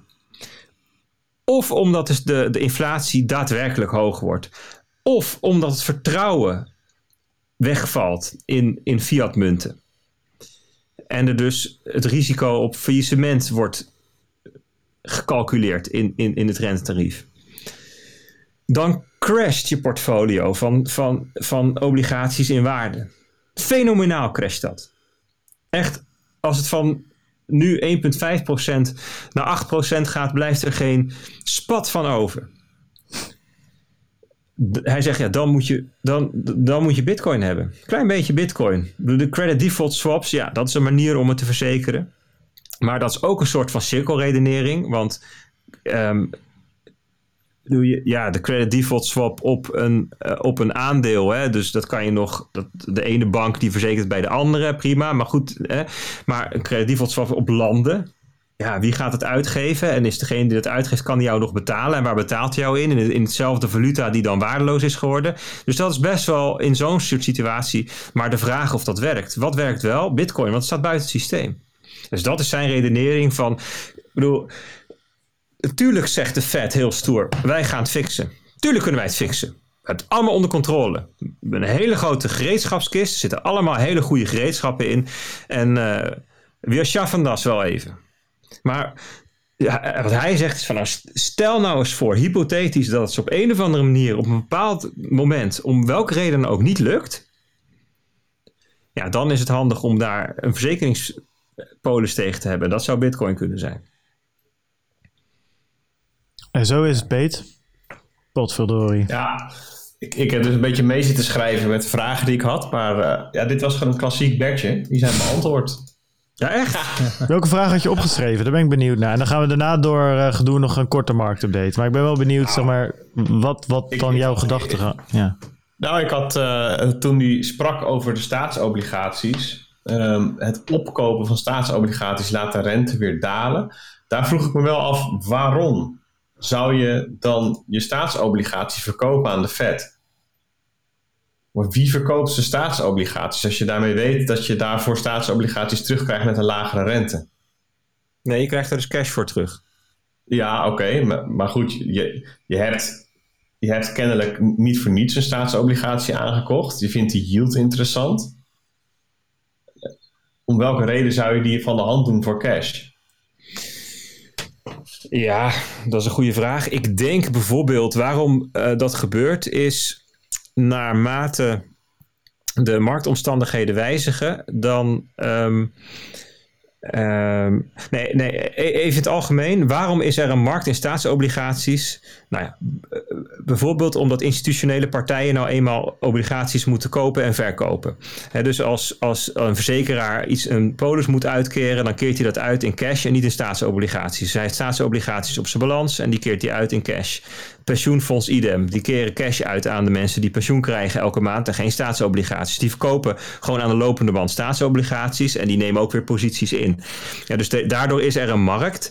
En verder, als marktomstandigheden wijzigen, dan zie je dat ehm, ehm, eh, institutionele partijen bijvoorbeeld eh, hun eh, zeg maar de, de looptijd wijzigen. Zeggen, nou, we hebben nu heel veel van tien jaar, maar we, we een gedeelte verkopen en dan kopen we drie maanden of twee jaar van omdat we, ja. we vinden een stukje onzekerheid zien we in de markt. Dus we leggen ons wel voor twee jaar vast, maar niet voor tien jaar enzovoort. Dus zie je wat verschuivingen in. Dus dat is, dat is een aspect. Dus daardoor is er een markt en daar wordt in gehandeld. En als er in gehandeld wordt, kun je als koper kun je deelnemen aan die markt. En dat is wat de centrale bank doet. Dingen die worden aangeboden, kopen zij op en die halen ze uit de markt. Waardoor dus de waarde stijgt. En als de waarde stijgt, daalt de rente. Ja, alleen voor de verkoper van, van zo'n obligatie die uit de markt wordt gehaald, zal er een voordeel aan zitten. Dat zijn twee verschillende dingen, geloof ik. hè. Je hebt de obligatie en een coupon. Die coupon die, eh, die, die verzorgt zeg maar de yield. Dus die twee dingen staan Nee. los van elkaar. Dacht Nee, ik. Een, obli- een obligatie, ja, dat, dat, nu praat je wel over 1910 hoor. Kijk, toen had de staatsobligatie gewoon een papiertje en er zaten dan couponnetjes aan. Als je die inleverde, kreeg je de rente.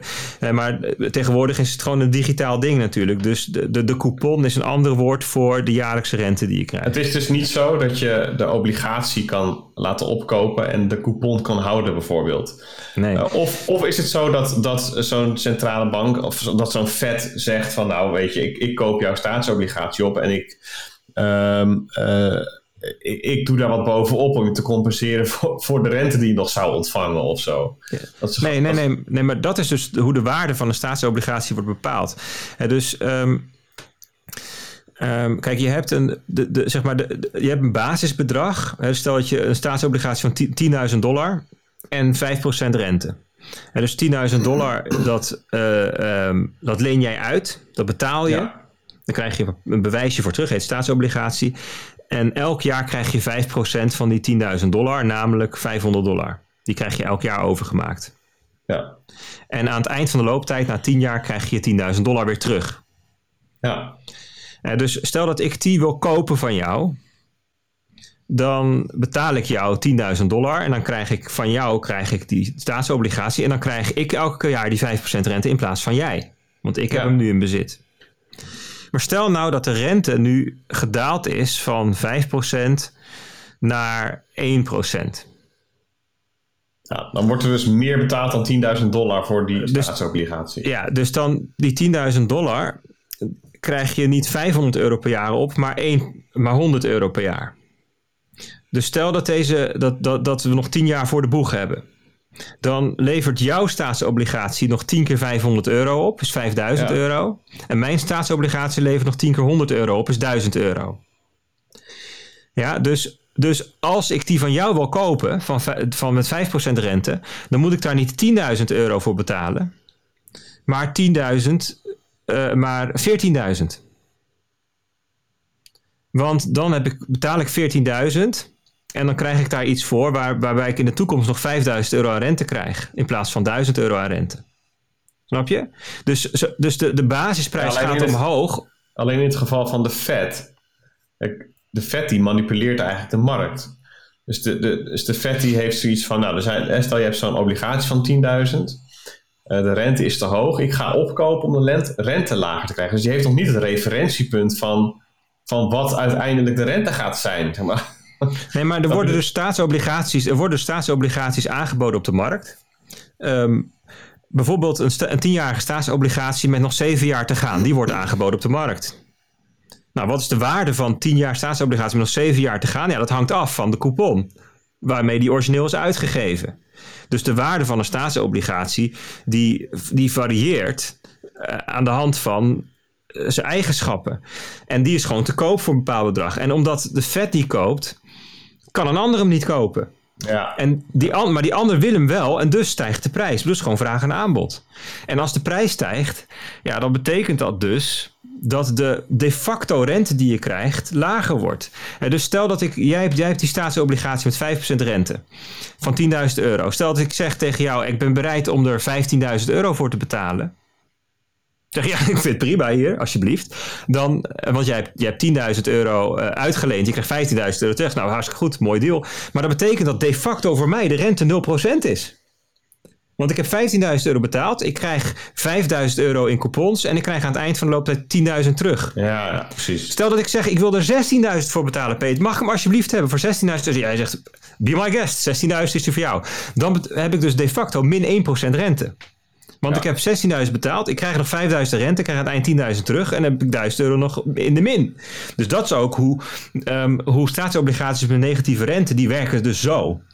Het is niet zo dat als jij een staatsobligatie koopt met negatieve rente, dat de staat dan jouw geld overmaakt elk Er jaar. is, niet een er is niet een coupon met negatieve rente. Nee, dat is dus Nee. wat er dan gebeurt, is dat je dan een coupon met 0% hebt en dat de basisprijs gewoon omhoog gaat. Ja, ja precies. En, en ehm, ehm, ik zat ook nog zelf, eigenlijk op een gegeven moment zat ik te dromen over allerlei tweede orde effecten van een stijgende yield. Want een, een stijgende yield is gekoppeld aan een stijgend risico.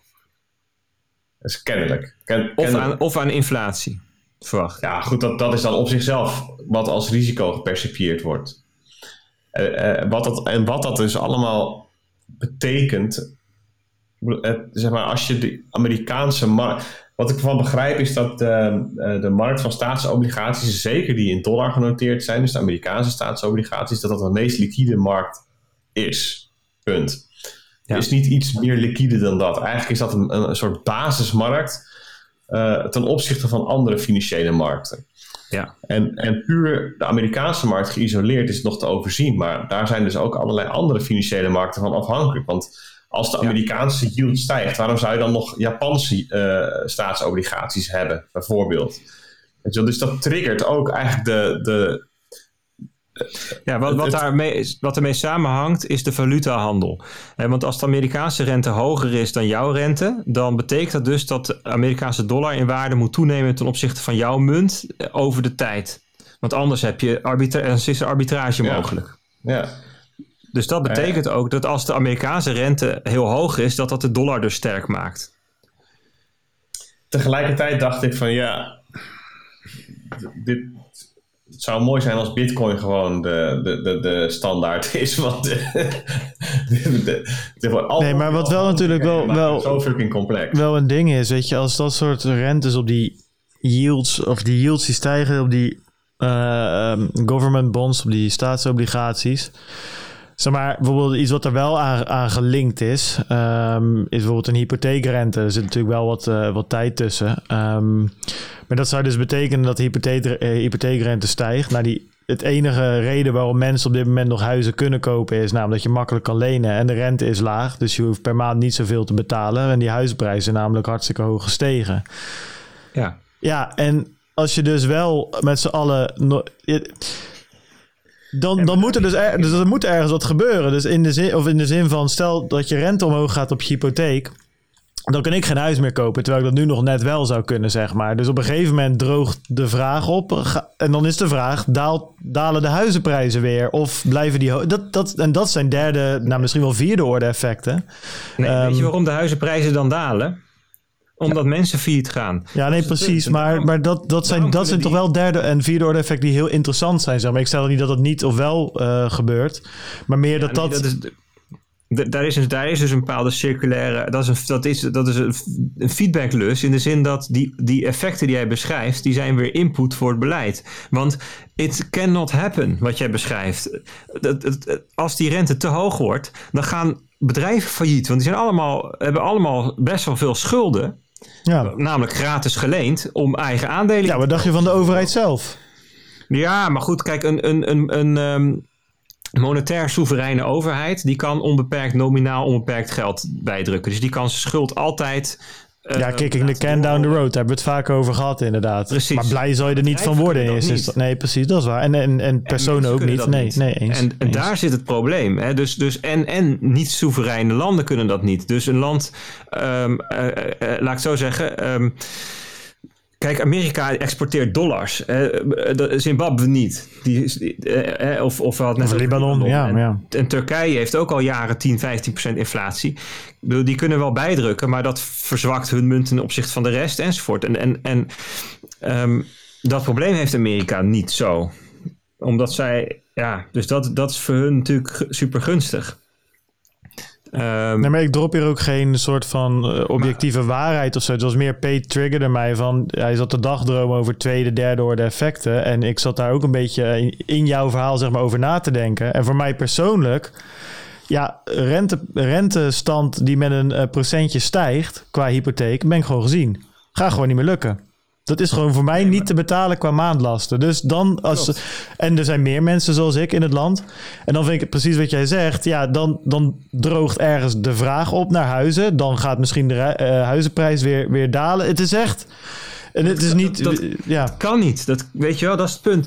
Ze, ja, nou ja, goed. Dat gaan we dus zien dan, die- toch? Nee, maar die hoge rente, die is desastreus op alle fronten. Dus Ja. je, je, je huizenmarkt en dus alle huizenbezitters, de, de, de ehm, bedrijven die leveraged zijn, ehm, landen die, zeg maar de minder kredietwaardige landen die kapot gaan, de aandelenmarkten, als de rente oploopt, neemt de waardering van aandelen, eh, die gaat dalen, dus dan krijg je multiples van die veel lager zijn. En dat, dat, dat, gaat voor enorme daling van de aandelen. Dat is, dat is het probleem voor pensioenfondsen. Ja. Dus alle pensionado's die niet meer hun pensioenen kunnen gaan uitkeren. Ja, de hoge rentestand is niet per se eh, nadelig voor pensioenfondsen, natuurlijk. Hè? Nou ja, boven een bepaald punt dus wel. Kijk, dus een beetje schommeling, dan kan je zeggen, ah, ietsjes verstijgen, ja, dat is wel mooi, want dan gaat de rekenrente wat omhoog. Dat betekent dat ze minder kapitaal hoeven aan te houden voor de Ja, dekkingsgraden gaan omhoog. Weet je wel? Ja, maar dat is natuurlijk. Maar, maar rente van 8%. Bedoel, dat, bedoel, dat is historisch gezien helemaal niet zo'n gekke rente. Ja, als we daar nu heen gaan, dat is gewoon het einde oefening. Ja, nee, ik ben het met je eens. En- maar en- dat vind ik dus, dat ze is dus dus dagdromen. Ja, maar dat gaat dus niet gebeuren in de zin van. eh, ehm, eh, eh, ze gaan liever kapot dan dat ze dat laten gebeuren. Dan gaat Jerome Powell hoogstpersoonlijk overal alles eerst opkopen voordat hij dat laat gebeuren. Laat hij gewoon zelf langs met zijn pinpas. Hier, ik koop het, alles. Ik koop alles van je. Dat kan gewoon niet.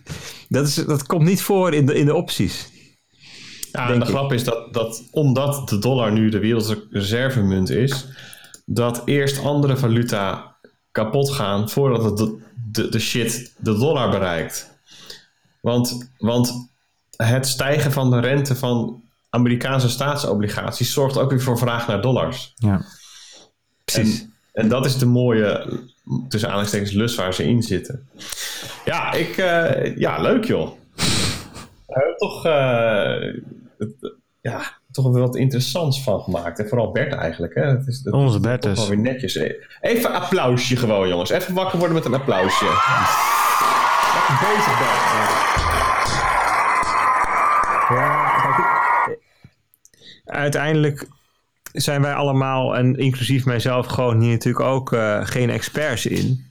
ja, dat moet je daar niet bij vertellen natuurlijk. Je hebt net eh, drie kwartier lang... eh, eh, Spoelen. Precies. Nee, nee, maar dat is dus gewoon toch de basics die, ik- die ik dan, die je op, op zichzelf ook kunt opzoeken, zeg maar. Maar, Ja, maar nou laten we ons echt heel dom voelen hè. ja, ik wil Maar, zeggen. eh, eh, n- Nee, maar wat ik bedoel te zeggen, kijk, er zijn mensen die, die hier wel echt op zitten. Wiens werk al 30 jaar is het, het traden van credit en het begrijpen van staatsobligaties. En er daar echt, het- dus die echt zeg maar het loodgieterswerk van het financiële systeem snappen.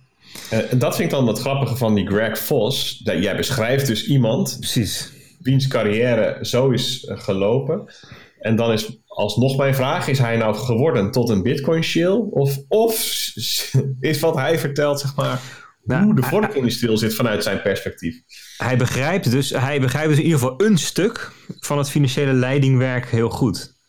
En er zijn er meer. Er zijn ook al meer podcasts die gaan, die, die- met iemand praten die dat, ik geloof dat Kevin Long trouwens dat ook is, die een stuk van dat plumbing van het financiële stelselsysteem snapt. Ehm, en als je die mensen dan hoort praten, dan, ja, dan die geven ook allemaal weer een, een heel klein stukje van het, van het grotere plaatje. En ja, wat, wat, wat mijn conclusie altijd is, is niemand overziet alles. Niemand kan, het, is, het is eigenlijk gewoon te groot en te complex om er echt, en dat is, dat is denk ik misschien wel de, de, de hoofdboodschap. ja. Hey, wat, je kunt, wat, wat we kunnen beschrijven zijn een aantal mechanismen. Hè? Dus dit, deze twee dingen hangen op deze manier samen. Hè? Dat kun je gewoon wel beschrijven. Je kunt wat zeggen over wat eh, inflatie. Nou, dan heb je dit soort mechanismen die daaromheen spelen. ehm, rentes, daar zitten dit soort mechanismen omheen, valuta. Maar je kunt gewoon eigenlijk onmogelijk zeggen, als je aan dit touwtje trekt, gebeurt er dat. Want het is gewoon te complex daarvoor. En honestly, ik denk ook dat centrale banken, die, die, die centrale bankiers, die, die, dat zijn echt super slimme mensen die het echt wel begrijpen. Hè? Maar ook zij overzien niet precies wat er allemaal nog gebeurt en wat er gebeurt als ze aan bepaalde touwtjes trekken. En dat is denk ik, daar zit voor mij de essentie van waarom ik Bitcoin interessant vind.